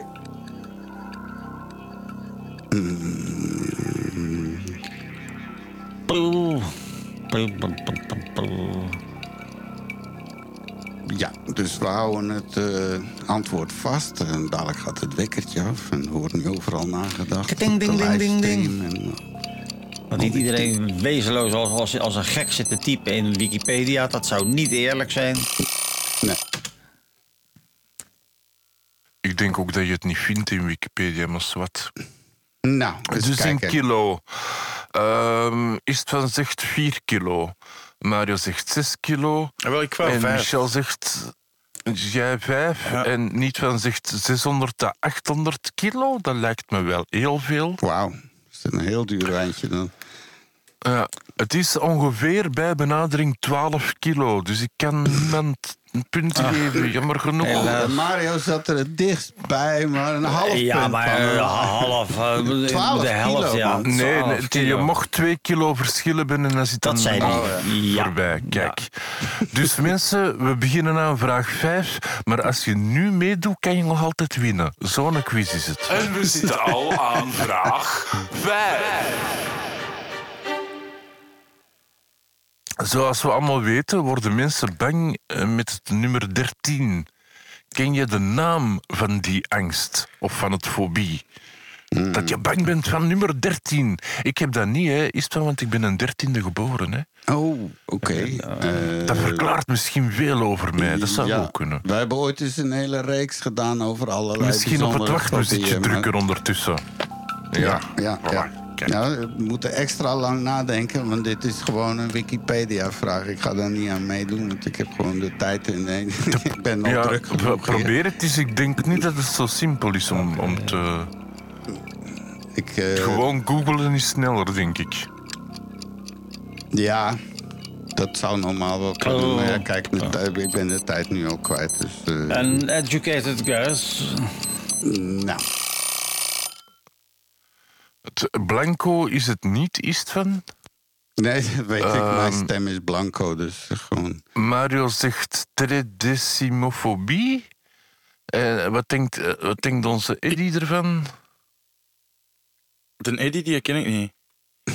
Ach, ja, En, en, en niet van Kevin, heeft ook Kevin. antwoord. Kevin. Kevin. Ja, nee, ik weet het niet. Ik heb bijna het, juist. Ik heb, ja, ik heb het ooit ge- gelezen, maar ik weet het niet meer. Ik weet het niet meer. Nee. Wel, Dat zijn van zijn die nou dagelijkse weetjes. Dat zijn van die dagelijkse weetjes. Je Ja. weet toch ook hoe lang een ei moet koken. Ja, Scheurkalendertoestanden. het is een moeilijk woord, hoor. Het is een moeilijk woord. Ja. Nou, Inderdaad. bevrijdt ons uit de onwetendheid, o wijze quizmaster. Eh, Michel had gelijk. Het is, en ik ga het proberen zeggen, triskaidefkafobie. Niet van- oh, ja. Triskaidekafobie. Triskaidekafobie. Oké. Het is decafobie met triskaide ervoor eigenlijk. Ja. Nou, oké. Nou, eh, Oké. als iemand daar last van heeft, dan weet je nu... en dan kan je Nou. ook meteen opzoeken wat de medicatie Dus is... en hoe duur de, bela- hoe duur de Dus behandeling onze is. kan je chatgast staat zeggen. voor. hey, Die je hebt triskaidefobie. Ja. Voilà, kijk. We hebben het middenpunt bereikt met vraag We hebben 6. het dieptepunt bereikt. Oh, middenpunt, sorry. Ja. sorry. Het is eh, een, een, een dierenvraag, hè, want het is de dag van de dieren eh, van de week. In welk land is het illegaal om slechts één cavia te hebben? Ja, Eh, bezig, even ja. kijken hoor. Uh, wachtmuziekje Oeh. komt. Eh Eén seconde, ja. Wacht, we moeten hier even Ja, komt dan toch weer uit op, bij op Plopsaland. Nee, dat is al een fout. Eh, wat was de vraag ook alweer, sorry? In welk land is het illegaal om slechts één cavia te hebben? Een cavia, geen cava, hè? Is het van cavia? Een diertje. Hij was het weer vergeten, hè? Ja. ja, ik heb een land ingevuld. Eh, Kevin, Kevin of Eddie, of wat was het nou? dat is maar Eddie, dat is goed. ja, ik zou, ik zou dan denk, denken de Verenigde Staten of zo, maar zo gemakkelijk zal het wel niet zijn. Maar dat is mijn antwoord. Nee, het is ook niet Peru, eh, Mario. Er worden ze trouwens scheten als huwelijks. eh, eh, menu. Hè. Ik heb ooit een vriend gehad die verkocht truien hier in België. En die ging trouwen en die zei: Ja, wil je mijn cavia's ondertussen niet bijhouden van de kinderen? Hè? Want ik ga dan voor een paar weken naar Ginder. En, en daarna las ik op internet dat dat eigenlijk het huwelijksmaaltijd is: cavia. en dan belde ik op zich: waarom moest ik uw cavia's. Ik heb ze gewoon opgegeten, hè, meegevierd. Wat. Dus nee, Peru niet, Denemarken ook niet. Maar eh, Michel is het wel een heel goede googler. Of iemand die enorm veel weet, want het is inderdaad Zwitserland. Oké. En de reden is ja, omdat die liever met twee zitten. Hè. Hoe zou je zelf zijn? Hè? Nou, net zoals Nou ja, zeker. Dat, van- ik vind dat wel goed. Want als je kijkt, het zijn natuurlijk sociale dieren. Net als papegaaien. Die, die leven ook eh, zeg maar in een, in een gezinsverband. En die hebben ook een partner voor het leven. Dus is het extra triest als je weer zo'n papegaai in zijn eentje ergens in een kooi ziet zitten. Eh, dus ik begrijp dat wel. Voor dierenwelzijn moet je daar wel rekening mee houden. Ja, dus eigenlijk zou dat een beetje overal moeten zijn. En, Oh, sorry. Nou, oké. ja, is gehaast onze is het van. Maar eigenlijk zou dat dus een beetje overal moeten zijn en voor elk dier dat je wilt houden. Nou ja, voor kijk, so- solitaire dieren natuurlijk niet. Als je een kat hebt, eh, dat is, eh, op, op Leeuwen zijn alle katachtige solitaire dieren. Dus een kat, die kan prima alleen zijn, maar een hond niet. Want die leeft in roedelverband, begrijp je? Dus die heeft een leider nodig. En dat ben jij dan, die sukkel die met dat beest loopt. Ja, en dan die, die dametjes met 80. Ja, ja, doe maar iets ja. van, kom aan. En jawel hoor, hier komt vraag 7. Ja, weer een simpele vraag. Weet u in welke... Wat doet hij nou? Dat ding blijft herhalen. Dat is toch dat is de leeftijd hoor. Het is de leeftijd volgens mij. Ja, het- elk jaar dat hij ouder wordt, zwart. Dus vraag 7. Weet je in welk jaar cellofaan werd uitgevonden? Eh, Cellofaan. Eh, wacht, muziek. Ja, en als Michel dit juist heeft, dan kan hij goed googlen. En, ehm, nou... Een educated ik zou- guess. Nou, wie het dichtst bij zit en zonder Ja, grenzen. je, gewoon je geen, mag geen- 20 jaar fout zitten. En geen Wikipedia. Nee. Anders moeten we het wachtmuziekje voortaan super kort maken. ja, ik denk het ook. Ja, het is inderdaad iets te lang, denk ik. Want je hebt dan net Ja, de maar we tijd... hebben eh, luisteraars in Nieuw-Zeeland en binnenkort ook op het eh, ruimtestation enzovoort. Dus ja, we moeten een beetje delay inbouwen natuurlijk. Hè? Dus, Eh, Mario zegt 1885. Eh Istvan zegt 1924. Heeft Kevin enig idee? Eh, Ja, ik twijfel tussen 1850 of 1910, maar ik zal 1910 nemen. Eh, wel, ehm, En onze gast, onder- op onze chatgast, vergeet je Ah, ook wel, steeds. ja, nee, nee, ik vergeet die nooit. Je moet me de tijd geven. Want ik wilde zeggen dat dit het bewijs is dat onze gast enorm goed kan googlen. Want het is 1908. En die of zo dat hem erachter heeft gezet, dat zo om een beetje af te... Ja, ik denk dat het zoiets is dat Afleiding- hem niet gegoogeld heeft. afleidingsmanoeuvre. Ja. Maar dat werkt niet. 1910 was wel dichtbij, hè? Nee, Ja, inderdaad, Kevin. Je hebt een, een, een, een, een streepje. Uw eerste juiste antwoord en is het van ook. Oh, oké, dus iedereen... Ja, oké, nou, dat is goed. Dat brengt Nee, maar spanning. 1904 Ja. Nee, maar eh, iets van zegt 1924. Reken even mee, dan zit hij er toch ook een aardig eind vanaf. Ja, maar de marge Ja. was 20 jaar, hè, Mario? Inderdaad. nou, dan heb ik toch ook een 20 jaar. punt. Eh, Eh, ja, waar. iedereen een punt. Kom maar, we gaan niet moeilijk doen. Oké. Voilà. Er is trouwens een tussenstand. Ja, heel belangrijk. Ja, Mario heeft zijn eerste punt, Istvan heeft zijn eerste punt, Kevin heeft zijn eerste punt en Michel heeft drie juiste Google-punten.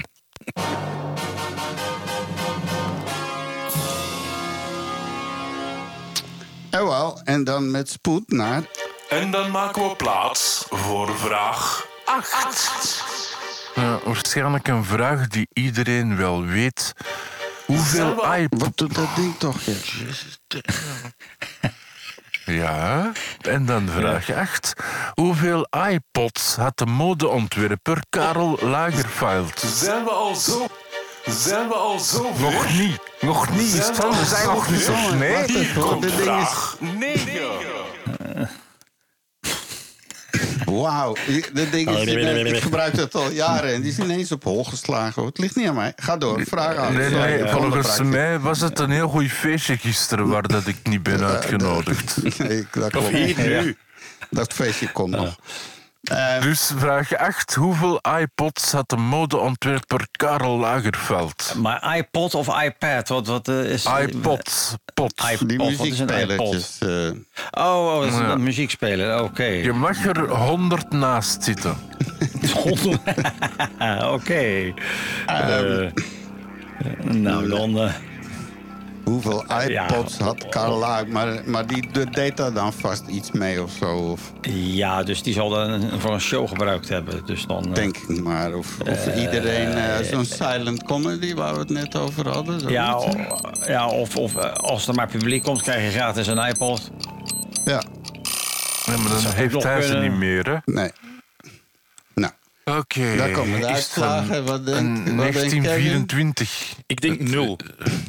Kevin gaat voor eh, nul. Ehm, dus eh, Mario zegt 1200. eh Istvan zegt... eh, moet ik 52. krijgen, ja. Istvan zegt twee- 250. eh, Michel zegt 70, dus hij heeft niet gegoogeld. Eh, maar zeg jij weer nul, Istvan? Wat, wat is Nee, dat? nee, dat- nee drie dat is. Kevin's antwoord. Sorry, Kevin is Ah, maar je hebt dat twee keren. ja, Oké, ja, ja, ja, ja. Ja, Ik ga nooit voor perfectie. Ik ga nooit voor perfectie. Gaat om het gevoel. Ja. Istvan heeft een punt, want het zijn er 300. Oh.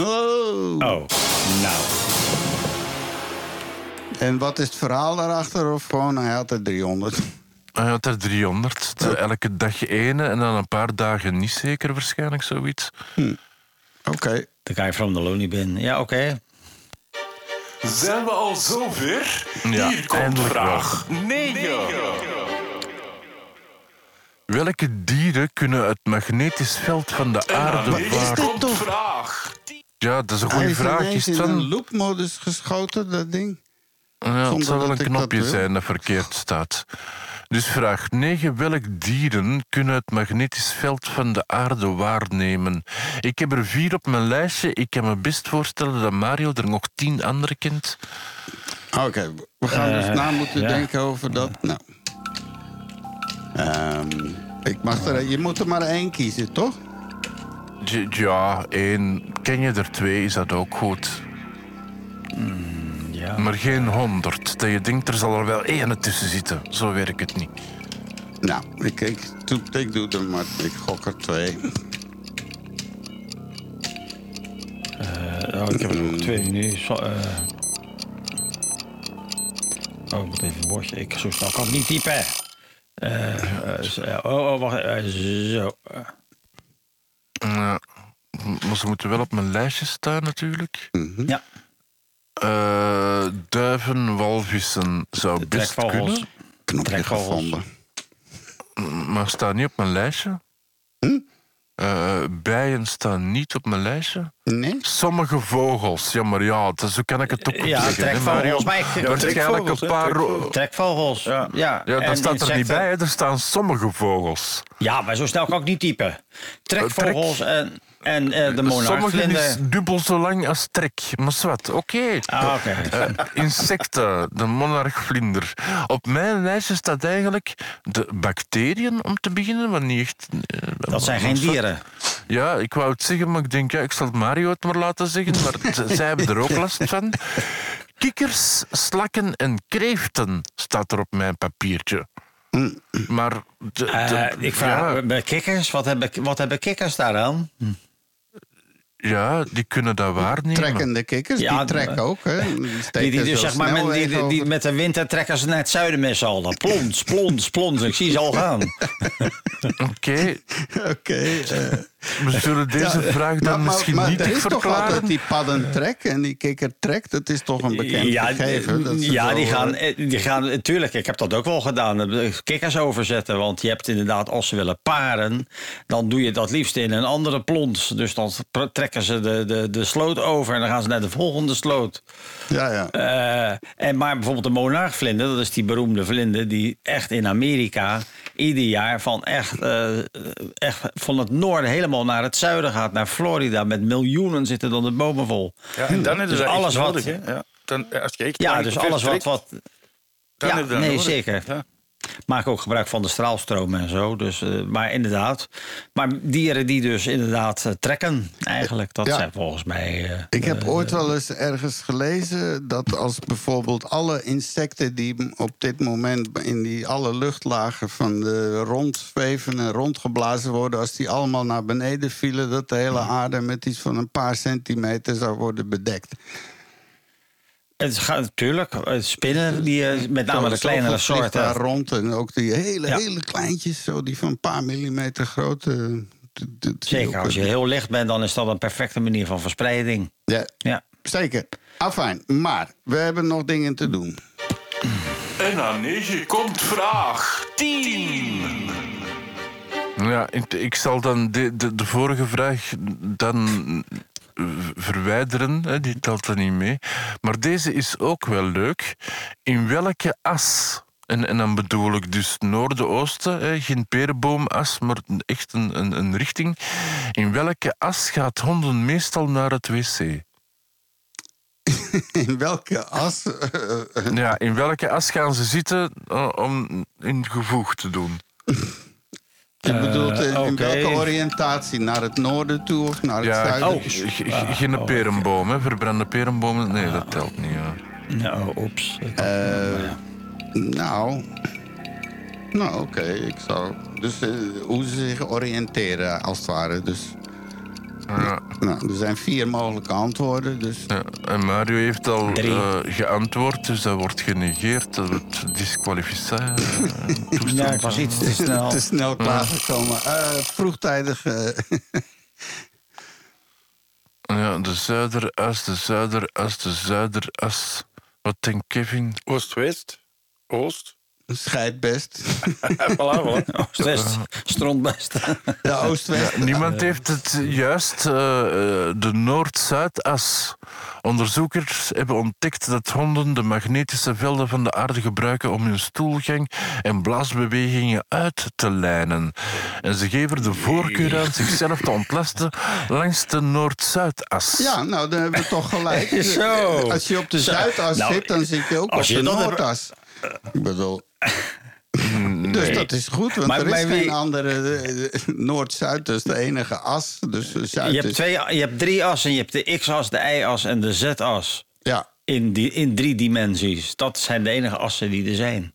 Nee, maar het begint nu over Noord-Zuid. Dus oriëntatie op aarde ten opzichte van het magnetisch veld. Dus en daar is, eh, dat is gewoon tweedimensionaal, zeg maar. Nee, dat is driedimensionaal. Ja, maar moeilijker nu dan voor dat deze, het is. Voor deze dingen van... eh, ja, oké. We laten het hier weer bij. Een boeiende vraag Maar wel. nooit geweten dat als je een hond ziet... Ik ga daarop letten. Dus als Ja. ik een hond zie Ja. zitten... eh, eh, en dan kijk ik hoe die scheidt. En dan, ik zie hem iedere week lopen. Dus ga ik kijken of die iedere keer zeg maar, En als op hij het dezelfde fout manier... doet, dan moet je hem aanspreken. Dan zeg je, nee, nee, je moet zo zitten en dan doe je het voor. Is het dan. Nee, Eh, nee, ja, nee, nee, je zegt van, joh, je moet dat beest, met, met dat beest naar de dierenarts... want hij scheidt niet op de magnetische as. Ja, maar ja, en dan het- moet je het het- voordoen. Het valt wel op dat er, als een hond gaat eh, zijn gevoeg moet doen, dan zie je hem zo vaak wel eh, zo rondjes draaien, rondjes draaien. en Ja, maar dat zie ik jou ook doen.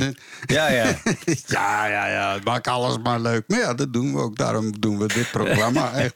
Eh, Oké, ja, We zijn er bijna door, want Gelukkig. hier komt vraag 11.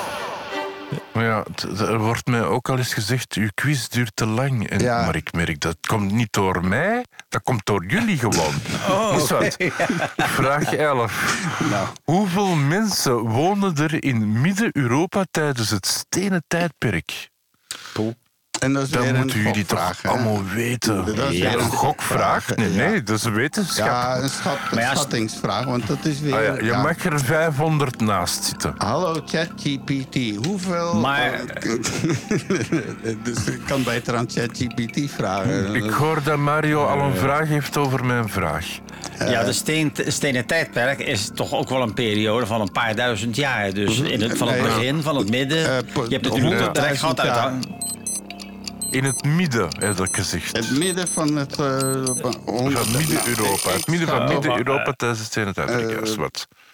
Nou, ik, eh, ja, ik, ik schat op... ja, Wauw. Mario zegt 6500. Michel zegt 2 miljoen en half. Die heeft zeker niet gegoogeld deze keer.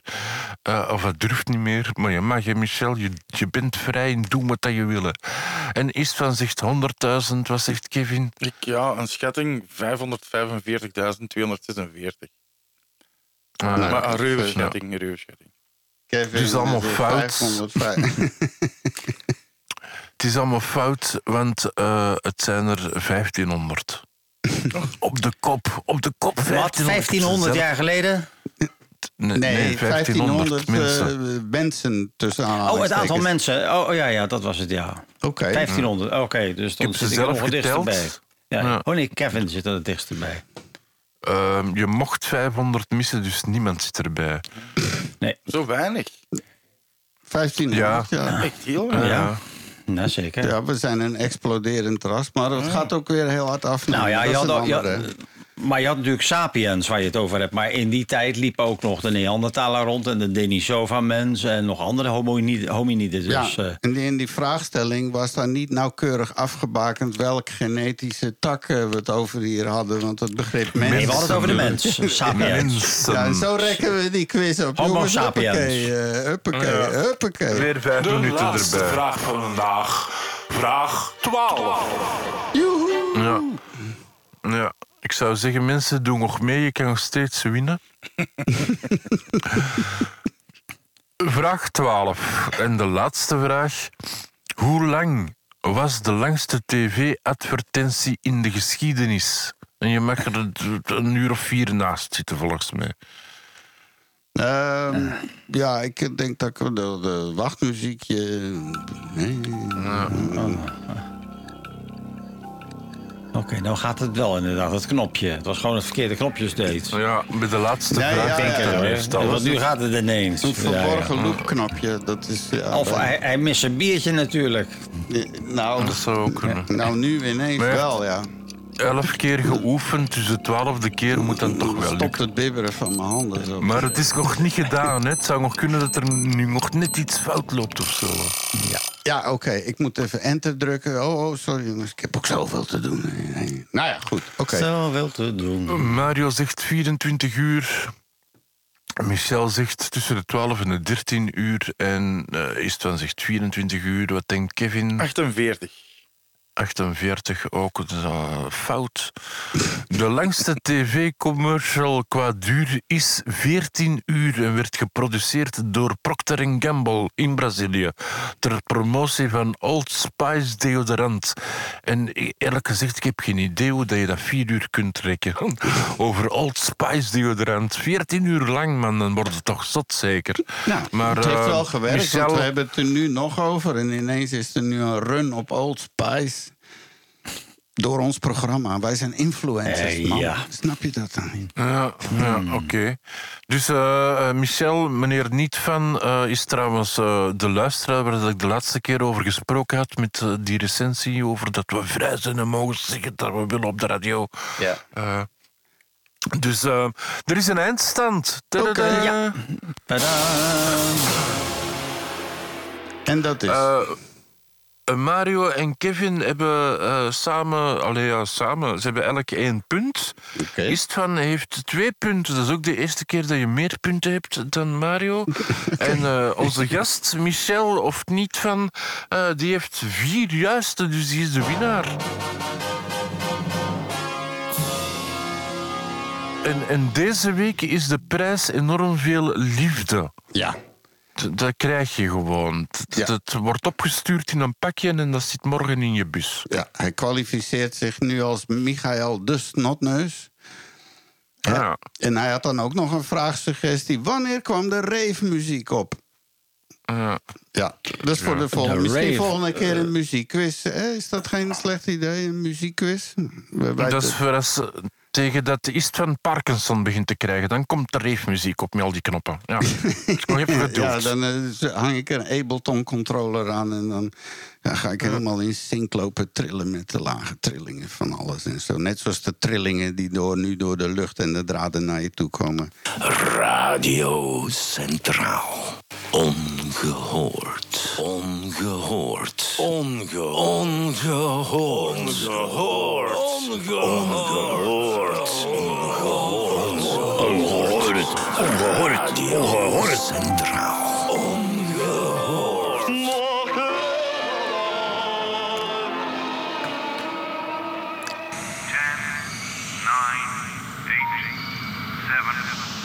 Komen we weer van de grond.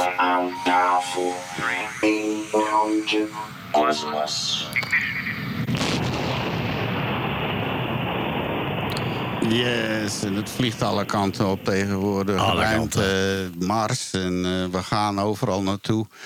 Maar eh, we vinden ook allerlei dingen. Mario en ik die hebben wel een beetje altijd iets met de kosmos om ons heen. En Ja, zo, hè, want ja, waarom ja. op aarde blijven. Dus, eh, Zo is het. Ja, Dus wat eh, nu weer eh, over. Ja, eh, in de aankondiging, die elke keer geniaal door onze favoriete Chris wordt geschreven, moet ik even vermelden.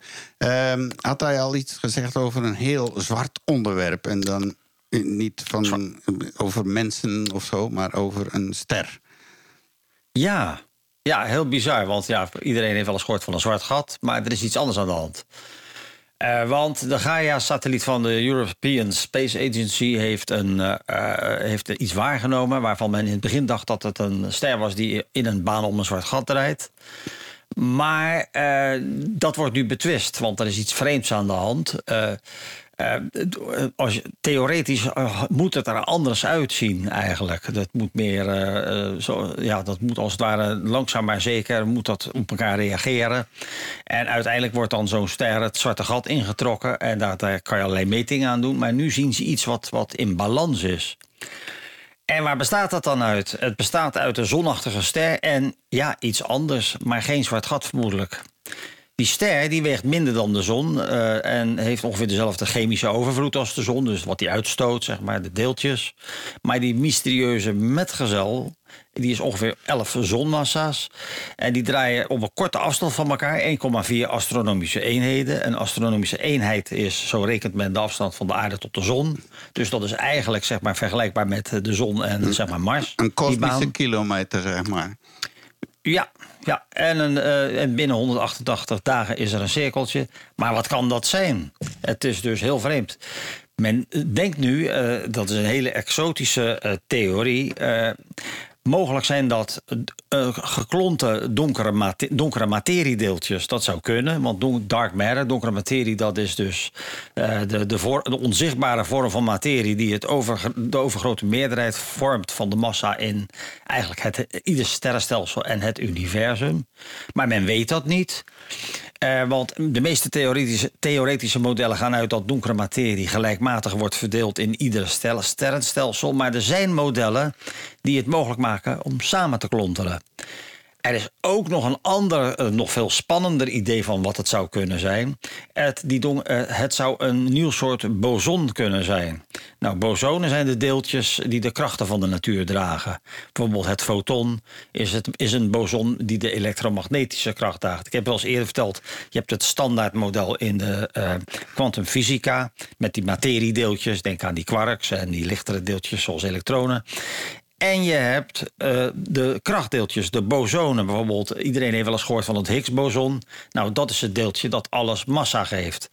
Wat Dus, bedoel eh, je? Iedereen heeft al eens gehoord van is Het. Higgs-boson was wereldnieuws. Door een Belg ontdekt. Maar vanmorgen Ah, komt hier alright. binnen en eh, jij bespeurde hier... ik mis hier toch wat X-bosonen. Ik ben normaal wat meer gewend Ja. van die dingen. Want, Nee, ja, maar dat was toch wereldnieuws, het Higgs-boson. Eh, Het, het, Oh, het, het, het universum is Ja, het Higgs-boson. Ik, verstond het X-boson. Dat, eh, nee, het een Higgs-boson. Ja, het Higgs. Ja, ook ik, ook, zegt, maar joh, ja, ik ja, verstond ja. dat ook. Ik, ik Ja, moet wel eerlijk ja. toegeven dat ik Harry Higgs. Ja, wat nee. Higgs-boson is. oh, nee, oké, maar dat, zijn dus, dat is dus een, een deeltje van dat standaardmodel wat ze in de kwantummechanica gebruiken, voor zover men dat weet. Maar eh, eh, ja, eh, we hebben een beperkt aantal bosonen die we kennen in dat standaard met dit model. Maar er is natuurlijk in principe niets dat het universum ervan weerhoudt om nog meer soorten te hebben. Die hebben ze dan nog niet ge- gezien. Maar bijvoorbeeld ook eh, zwaartekracht hebben we nog niet eh, vast kunnen stellen. Dat zou dan het, een, eh, het graviton moeten zijn. Dat zou dan ook een, een, een boson moeten zijn. En dus er- men zou kunnen denken dat rare ding wat ze dus nu zien hangen, dat zou zomaar dan een bosonster kunnen zijn. Dat zou iets zijn wat we nog nooit eerder hebben gezien. En donkere materie heeft geen interactie met andere deeltjes of met licht. Dus je kan het eigenlijk alleen maar zien aan de invloed van de zwaartekracht op die omgeving. Maar het is dus heel spannend. Dus, eh, en zou dat zo zijn, dan is het belangrijkste daarvan dat het een unieke kans geeft om het gedrag van sterke zwaartekracht te bestuderen. Ja. En daarmee zou je dus inderdaad eh, de, verder kunnen onder, onder de algemene relativiteitstheorie van Einstein kunnen onderzoeken. En dat zou geweldig nieuws zijn. Dan zou er weer iets gevonden zijn, begrijp je? Ja. Intussen is ons ook een eh, Bruno eh, aangeschoven. Ah. En eh, dingen, ja, eh, en Niet van, niet van. Het kan zo'n Vietnamees zijn, hè? Niet van. Nee, want dan noemde Michel. Maar dat kan ook een Michael, Vietnamees zijn. Michael, want eh, er stond een trema op zijn tweede E, heeft hij heel duidelijk getypt. Dus dan is het met Mich- Michael, hè? dan is het niet Ik, Michael. ik was gisteren aan het kijken naar een nieuwe serie. Eh, een, een Chinese boy, eh, of Chinese born in America. En iemand stelt zich voor en die zegt eh, in het Engels: My name is Saikwan. En de vertaling was: Mijn naam is Sandy. Oké. Ah ja, oké. Ja.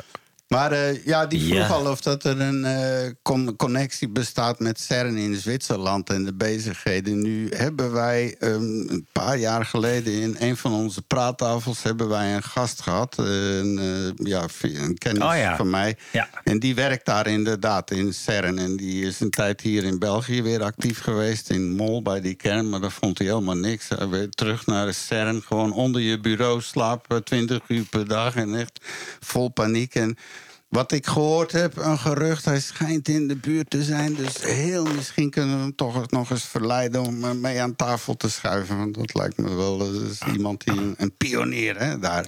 Een echte Gaaf. geleerde aan de tafel. Dat zou inderdaad eens echte. leuk zijn. In plaats van een Nou ja. Nou, het is daar in CERN waar dus die deeltjes ontdekt worden. Want dat is de grootste deeltjesversteller van de wereld. Het is gewoon een ring waar ze dus eh, protonen, oftewel celkernen, eh, tegen elkaar laten knotsen met de snelheid van bijna het licht. Dus die spatten uit elkaar. En ze hebben overal vangbekers staan, als je dat zo mag noemen. Die Eh, en daarmee kan je dus die om alles te deeltjes. vernielen. Hè? Echt gewoon. Ja, ja, maar je kan dus dan inderdaad die deeltjes bestuderen. En zo wordt eigenlijk alles, eh, wordt, eh, wordt zeg maar de kwantumfysica benaderd. Ja. Eh, de superkleine, de, zeg maar de deeltjesfysica met een mooi woord. ja. En dat komt allemaal van. eh, There is no such thing as public money. Ja. Ja, hè? Hè? Oké. Trouwens, hoe, hoe is het met onze Kevin? Gaat het daar nog? Ja, ja, ik, ik wou juist een sipje pakken van mijn water. Ah, ja, ja want, want je zei het net ook, je bent een turnleraar. Ja. Ja. Dus is, gaat dat samen met comedy, turnleraar zijn? Ja, dat gaat samen. Dat gaat zeker samen. Ja, want je doet het al tien jaar, dus het moet wel Ja, samen ja, en ik ben al 22 jaar turnleraar. En, ehm, Alright. Oké, dus, dus je zou ook tijdens een show gewoon zomaar spontaan een, een ratslag kunnen maken op het podium. eh, Mario, het is duidelijk dat jij geen camera hier hebt staan. Want als je mijn fysiek zou zien, zouden we weten dat dat niet mogelijk is. Ehm, Oké. Ja, laat ons zeggen... Bourgondisch, een Bourgondisch uiterlijk. Ja, een Burgondische turnleraar. Oké, ja, ja, ja. Ja, ja, dus... dus Moet ik mij dan die turnleraar voorstellen bij jonge Robbe? Zo weer een met, met een pakje sigaretten in zijn achterzak en een bierflesje in zijn trainingspak. En een handdoek, en Met een een grote handdoek. rode neus. Nee, Danny, maar wel een bierbuik. Allee, of een buik. eh, eh, eh, en, en best wel, eh, ja, mollig, zal ik het ehm eh, eufemistisch Rubens. uitdrukken. Ja, ja. ja, ja. En wanneer kunnen we jou nog eens zien optreden? Niet als, als leraar, hè, want dat, dat hoeft niet direct voor mij. Maar als comedian. Wa- Wanneer Ja. zijn er nog dingen te doen? eh? Eh, wel, ik heb, ehm, even kijken, de 15, eh, 15 juni is er een open mic in eh, de Floeren Aap in Mechelen. En eh, 20 juni is er de laatste van het seizoen in Café de Foxy op het Vosplein in Borgerhout. Dat is wat dichter bij huis. Dat zijn open mics waar ja, zes comedians grappen komen testen. En die avonden praat ik aan elkaar. Oké. Er ik weet dat er een stadia is. Hè? Dus je hebt eerst die, die mensen die doen meestal eerst vijf minuten of zo, of drie minuten. Ja, acht, acht Wat- eigenlijk, hè, acht. Ja, beginnen ze bij Ja, acht? dat zijn, dat zijn de, de, de, de, het aantal minuten dat je krijgt op een open mic is acht. Maar als jij er drie Alright. wilt doen, dat is even goed. Hè. Alleen Gewoon liever niet meer zeg. Ja, dus acht minuten. Ehm, als je zo'n Alex Agnew of eender welke andere comedian op het podium ziet, je geniet ervan, je lacht, hè, dat is dan toch de bedoeling meestal, en, en je gaat thuis en je denkt, oh, dat is knap gedaan. Maar als je dat dan zelf begint te doen, is het soms al heel moeilijk om een echte goede acht minuten te krijgen, terwijl dat die gasten al twee uur op dat podium staan en dat feilloos doen. Ja, tuurlijk, en, ja. en, en zelf zit je te worstelen met acht minuten. En, en soms had ik dan gedaan en dacht ik, oh shit, ik ben dat nog vergeten. Of dat. Of, of de clue gewoon, heb ik Ja, niet gezegd. Maar gewoon Zo, één heel goede grap schrijven is super moeilijk. Dat is echt één, één, één grap die bijna overal werkt. En dan zeg ik ook bijna, want overal bestaat niet.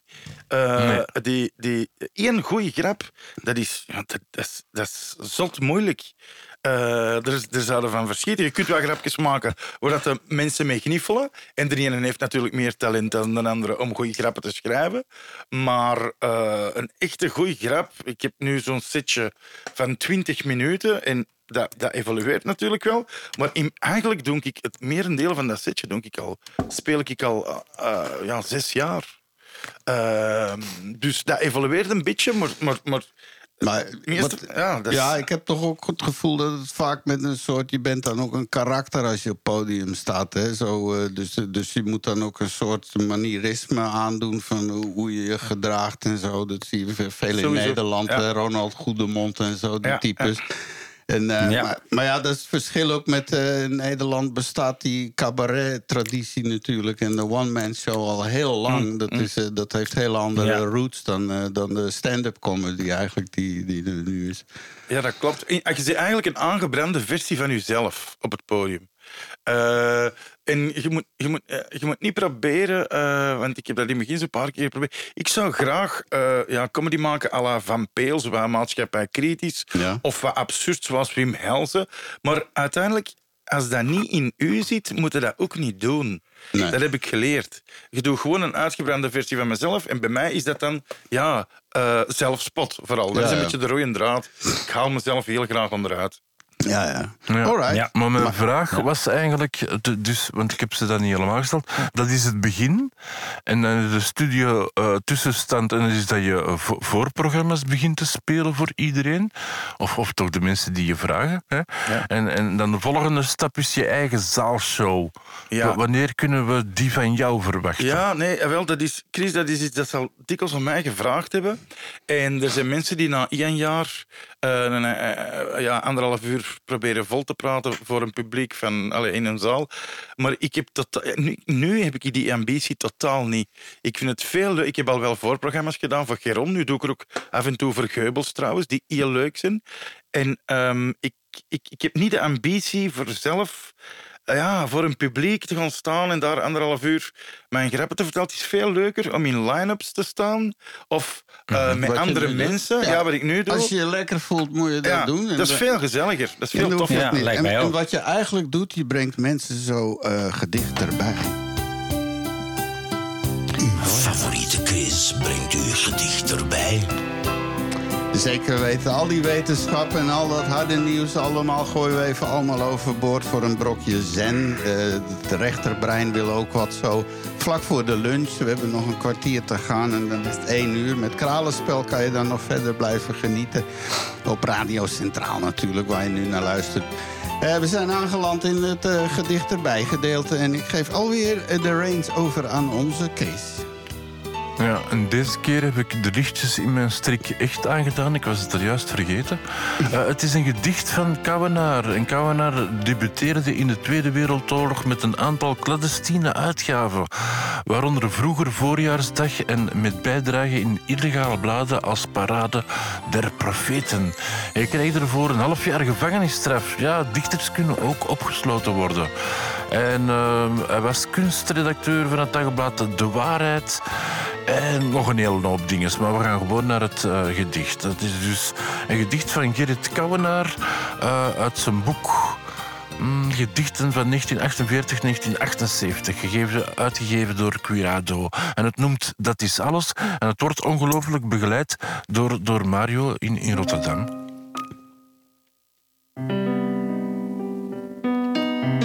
Er is geen mens. Er zijn mensen. Er is poëzie, geen gedicht.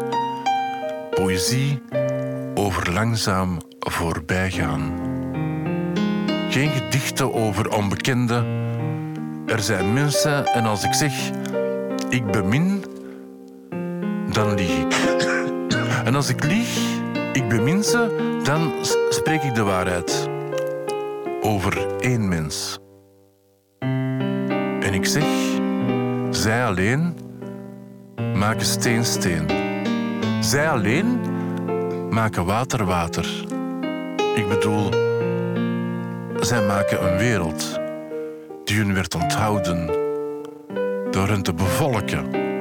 En dat is dubbel gezegd. Zo leggen de feiten zich neer, dubbelzinnig en links als de mens. Ik heb hen niet lief, maar ik sta hem bij. Als mijzelf.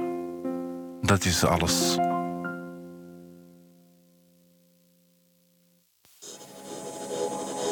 U luistert naar Radio Centraal op FM 106.7, DAB+, en livestream. Ja, nu, normaal hadden wij in het laatste blokje zo allerlei wetenschapsnieuws. Maar eh, vlak voor, eh, tijdens de warm-up van deze show, want dat doen we allemaal en zo.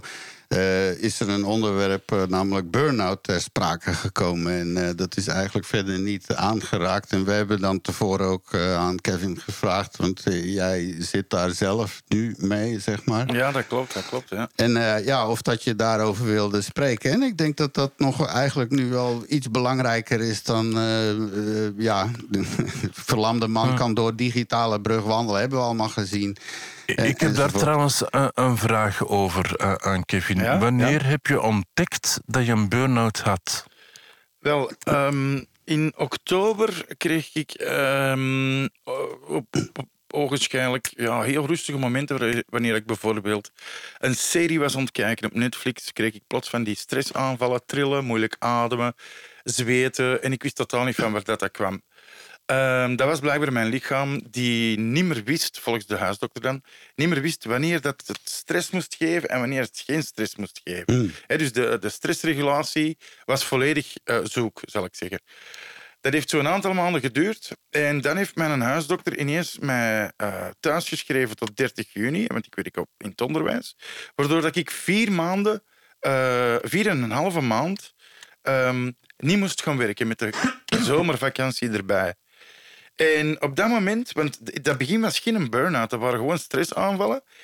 En vanaf dat moment dat ik 4,5 momen- 4,5 maand niet moest gaan werken, heeft blijkbaar, volgens mijn psycholoog en mezelf ook, want dat klopt echt, mijn lichaam heeft de ruimte gezien in tijd voor zich, hè, 4,5 maand, om alle eh, frustraties, boosheid, angsten vooral, eh, verdriet dat ik de afgelopen tien jaar had moeten voelen, eh, om dat de vrije loop te laten. Dus eigenlijk de, de- alle emoties die ik de afgelopen tien jaar had moeten voelen, maar niet gevoeld heb, die halen mij nu in.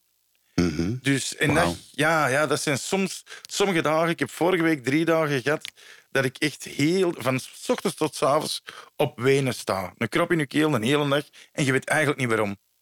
Ehm, ja, beginnende paniekaanvallen soms. Ehm, en niet veel aankunnen mentaal. Bijvoorbeeld na deze twee uur hier weet ik dat ik straks eh even moet slapen. Want als ik dat niet doe, ben ik de rest van de dag down. Dan is dat echt zo twee niveaus lager. Je leert dat wel wat, een beetje mee leven, maar toch eh, ja, dreigende paniekaanvallen als je in de auto zit in de file, dat is verschrikkelijk. Ja. Dus dat is een beetje wat er nu aan de hand is. En heel veel hoofdpijn. Nog altijd ehm, ja, met momenten moeilijk ademen. En ik heb dan zo gevraagd aan andere mensen die echt maar nog veel ergere burn-outs hadden. En ik vroeg hun, ik heb dat bij een aantal mensen gedaan, ik vroeg hun symptomen. En die noemden allemaal eigenlijk net hetzelfde op. Dus toen dacht ik echt van, ja, dit is echt gewoon burn-out. En dat gaat dan over de laatste twee maanden eigenlijk. Dat er zo'n shift is gegaan van stressaanvallen naar een burn-out. En depre- ja, een Dus, beetje dus er is kennelijk gewoon iets ontregeld in het basissysteem. en soms denk ik ook dat je dan zou willen dat er eigenlijk een soort eh, meetbare fysieke diagnose is. Want heel veel mensen die eh, lopen nog met het idee: oh ja, het zit een beetje te in oren. Want ja, dat zijn met die onspecificeerbare eh, diagnoses van ja, een syndroom als het ware. Ik weet niet hoe. Ja, maar dat is, je zegt onmeetbaar, maar dat is echt meetbaar hoor. Want als ik, als ik echt, Oh. Ja, dat, dat gaat naar het hyperventileren op. als ik echt nu, ik heb ademhalingsoefeningen gekregen. Ja. Hè? Twee keer eh, twee seconden door de neus, één seconde vasthouden en dan drie seconden uitademen eh, eh, door de mond. Dat helpt heel erg. Ook bedreigende paniekaanvallen. Als je de ademhaling reguleert, dan volgt de rest min of meer. Je moet het leren voelen aankomen. Ja, en, ja voilà. En, en ook nooit meer, dat heb ik nu ook al geleerd. Ik had ehm, tegen, tegen, eh, ja, ik zal zeggen, tegen die stressaanvallen, toen dat die begonnen, of net ervoor, had ik maanden waarbij dat ik, ja, ik werkte. Ik had redelijk veel stress in mijn gezin. En ik speelde soms tot 15 keer per maand. Dus, en die drie dingen samen, dat, nu besef ik dat, dat mag ik nooit meer doen. Nooit meer. Maar ik deed dat graag hè, en ik voelde ook niet echt dat dat mijn potje was aan het, allee, vollopen. Eh, dus nu heb ik al geleerd van... Ik moet voor de rest van mijn leven alles heel goed reguleren. Dat het niet te veel wordt. En goed naar mijn lichaam luisteren. Eh, dat heb ik nu geleerd. Dat moet ik gewoon. Ik heb geen keus meer. Ja, ja. Dus een soort eh, ja, cognitieve training en leren. Maar ja, het leert ook veel. Ja, en, de- misschien ben je daardoor een warmer, gevoeliger mens. En, en Ja, ik ben wel nederiger geworden. Absoluut, absoluut. Want ik dacht ervoor dacht ik, dat ik alle stress aankon. Alle stress in het gezin, eh, ja, op het werk, eh, stress van spelen. Je zit altijd wel wat zenuwachtig voordat je op moet, maar toch... Ik dacht dat ik dat allemaal aankon. En En ik, zorgen voor je gezin, Ja, hè, de, ja. de man. Maar daar hebben we het vorige keer over gehad. Over de getemde man, de ongetemde man en de gekooide man. hè. de Dus- rots willen zijn voor de rest Ja, van uw en dat noemt de ongetemde man, die nog echt helemaal volledig de mannelijke man is en helemaal vooraan moet staan en zo. En dan de Ja, getemde ja. man, die zou dan in balans zijn met zijn vrouwelijkheid. En, Ah, en- Ik ben daar veel nederiger in geworden. Absoluut, ja. Getemder, duidelijk. Nou, dit was een Nederlandse schrijver, die, eh, daar hebben we vorige keer over gehad. En dan eh, de derde categorie was de gekooide man. En dat is degene die niet om kan met het eh, veranderen naar een getemde man. Die dus, dat zijn de mannen die veroorzaken, stalken en moordpartijen doen op eh, kinderen, weet ik veel. Dat is de gekooide man. Dat zijn, Ja. dat zijn de maar la- dan terug lastposten. naar Ja. die Dat is een burn-out. theorie, hè? Het is een theorie van Ja, een ja, het van. Maar we gaan terug naar die burn-out, als je die erg vindt. En, Ja. en dan, je, je hebt het zelf al een beetje genoemd, zo, de reden waarom dat je dat kreeg. Het was onbewust onderdrukken van bepaalde gevoelens. ja, Of volgens er mijn... de tijd niet aan geven. Ja, volgens mijn psycholoog heb ik eigenlijk min of tien jaar ongeveer in een soort van flight or fight eh, eh, modus gezeten. En een dier dat aangevallen werd, moest oftewel terugvechten, oftewel gewoon vluchten. Dat is een stress, dat is, eh, ja, dat is, een, ja, dat is een stresspeil dat heel hoog is, maar ik heb dat nooit zo aangevoeld. Hè. Want Ja. ik heb, gelijk dat, als dat je een hoge pijngrens kunt hebben, had ik een hoge stressgrens. Maar Dacht je. iedereen, dacht ik, ja, ja. Maar iedereen heeft zijn limiet. En ehm, dat is, mijn psycholoog doet dat zo, zo met een eentje. Als je een bad eentje onder water duwt, ja, dat kan je onder water houden. Maar op een gegeven moment moet je dat loslaten en dan springt dat terug naar boven. En hoe dieper dat je dat gehouden hebt, hoe hoger dat het springt. Ja, ja. Dat is een beetje de metafoor voor, voor ja, die- dat je die stress hebt weggeduwd en al die angsten en dat verdriet. Nou, nog even snel en wat heb je nog een uit, eh, goede raad eigenlijk voor mensen die een burn-out hebben? Om af te sluiten over dat onderwerp. Goh, ik, ik denk dat ik die goede raad pas ga hebben binnen een paar jaar. Als ik, of binnen een Ja. afzienbare tijd, als ik eruit ben. Ja, ja. Nu zit Dan ik er moet nog je terugkomen. Ja. Ja, Ja, dan moet je terugkomen tegen Ja, dan. ja, ja. Nog even snel wat tips van eh Michael. Eh, hey, op tijd even op je ademhaling letten, maar dat heb je al gedaan. Eh, gevoelens en zo met iemand delen, dat heb je ook. al- Ik ben echt, nu ben je punt aan het scoren, zeg. hey. Eh, maar dan ook een magnesiumtekort, hè, dat, heb je- ja, dat hoor je dan ook weer. En sign of the times. En dan nog Bruno even snel. Je kan ook best wegblijven van negatieve mensen. Omring je met mensen die liefdevol, constructief en positief zijn. Eh, en, dan, en, en dan krijgen wij nog een veer in onze kont. Daarom is de praattafel zeer aangenaam om naar te luisteren. Hoopvol. Nou, dat is, dat is leuk om Oh, te jongens, horen. een vette absoluut. pluim. En dankjewel. Dus het is een hele feestelijke week. Ik voel me fantastisch eh, met die eh, film en alles. En we gaan nieuwe spannende dingen doen. Misschien volgende keer meer daarover. Eh, als je nog verder wil reageren, ook over het burn-out gedeelte. we gaan gewoon door in de chatroom nog even voor mijn part. En dan op Facebook verder. Want je kan ons vinden op de praattafel.be. Je kan ons eh, vinden op eh, Facebook natuurlijk. Typ maar praattafel in. Eh, we zijn te luisteren op Spotify, op We Apple, moeten ook Google. eens afspreken met onze zijn. luisteraars. Is het van? We moeten eens afspreken Nou, met onze luisteraars. Een terrasje doen. Ah, nou. nou, dat zouden we kunnen combineren. Misschien met een live show in het werkhuis. Of niet. Of niet. Nou, ik zou hem dan bijvoorbeeld buiten in de tuin, onder die boom. Dat lijkt me toch wel een keer heel tof om te doen. Hm? Als het echt zo lekker weer is en dan... eh bubbelt het echt lekker weer zijn. Ik denk- Zeker weten. Kevin, eh, jij nog heel kort iets voor de komende weken?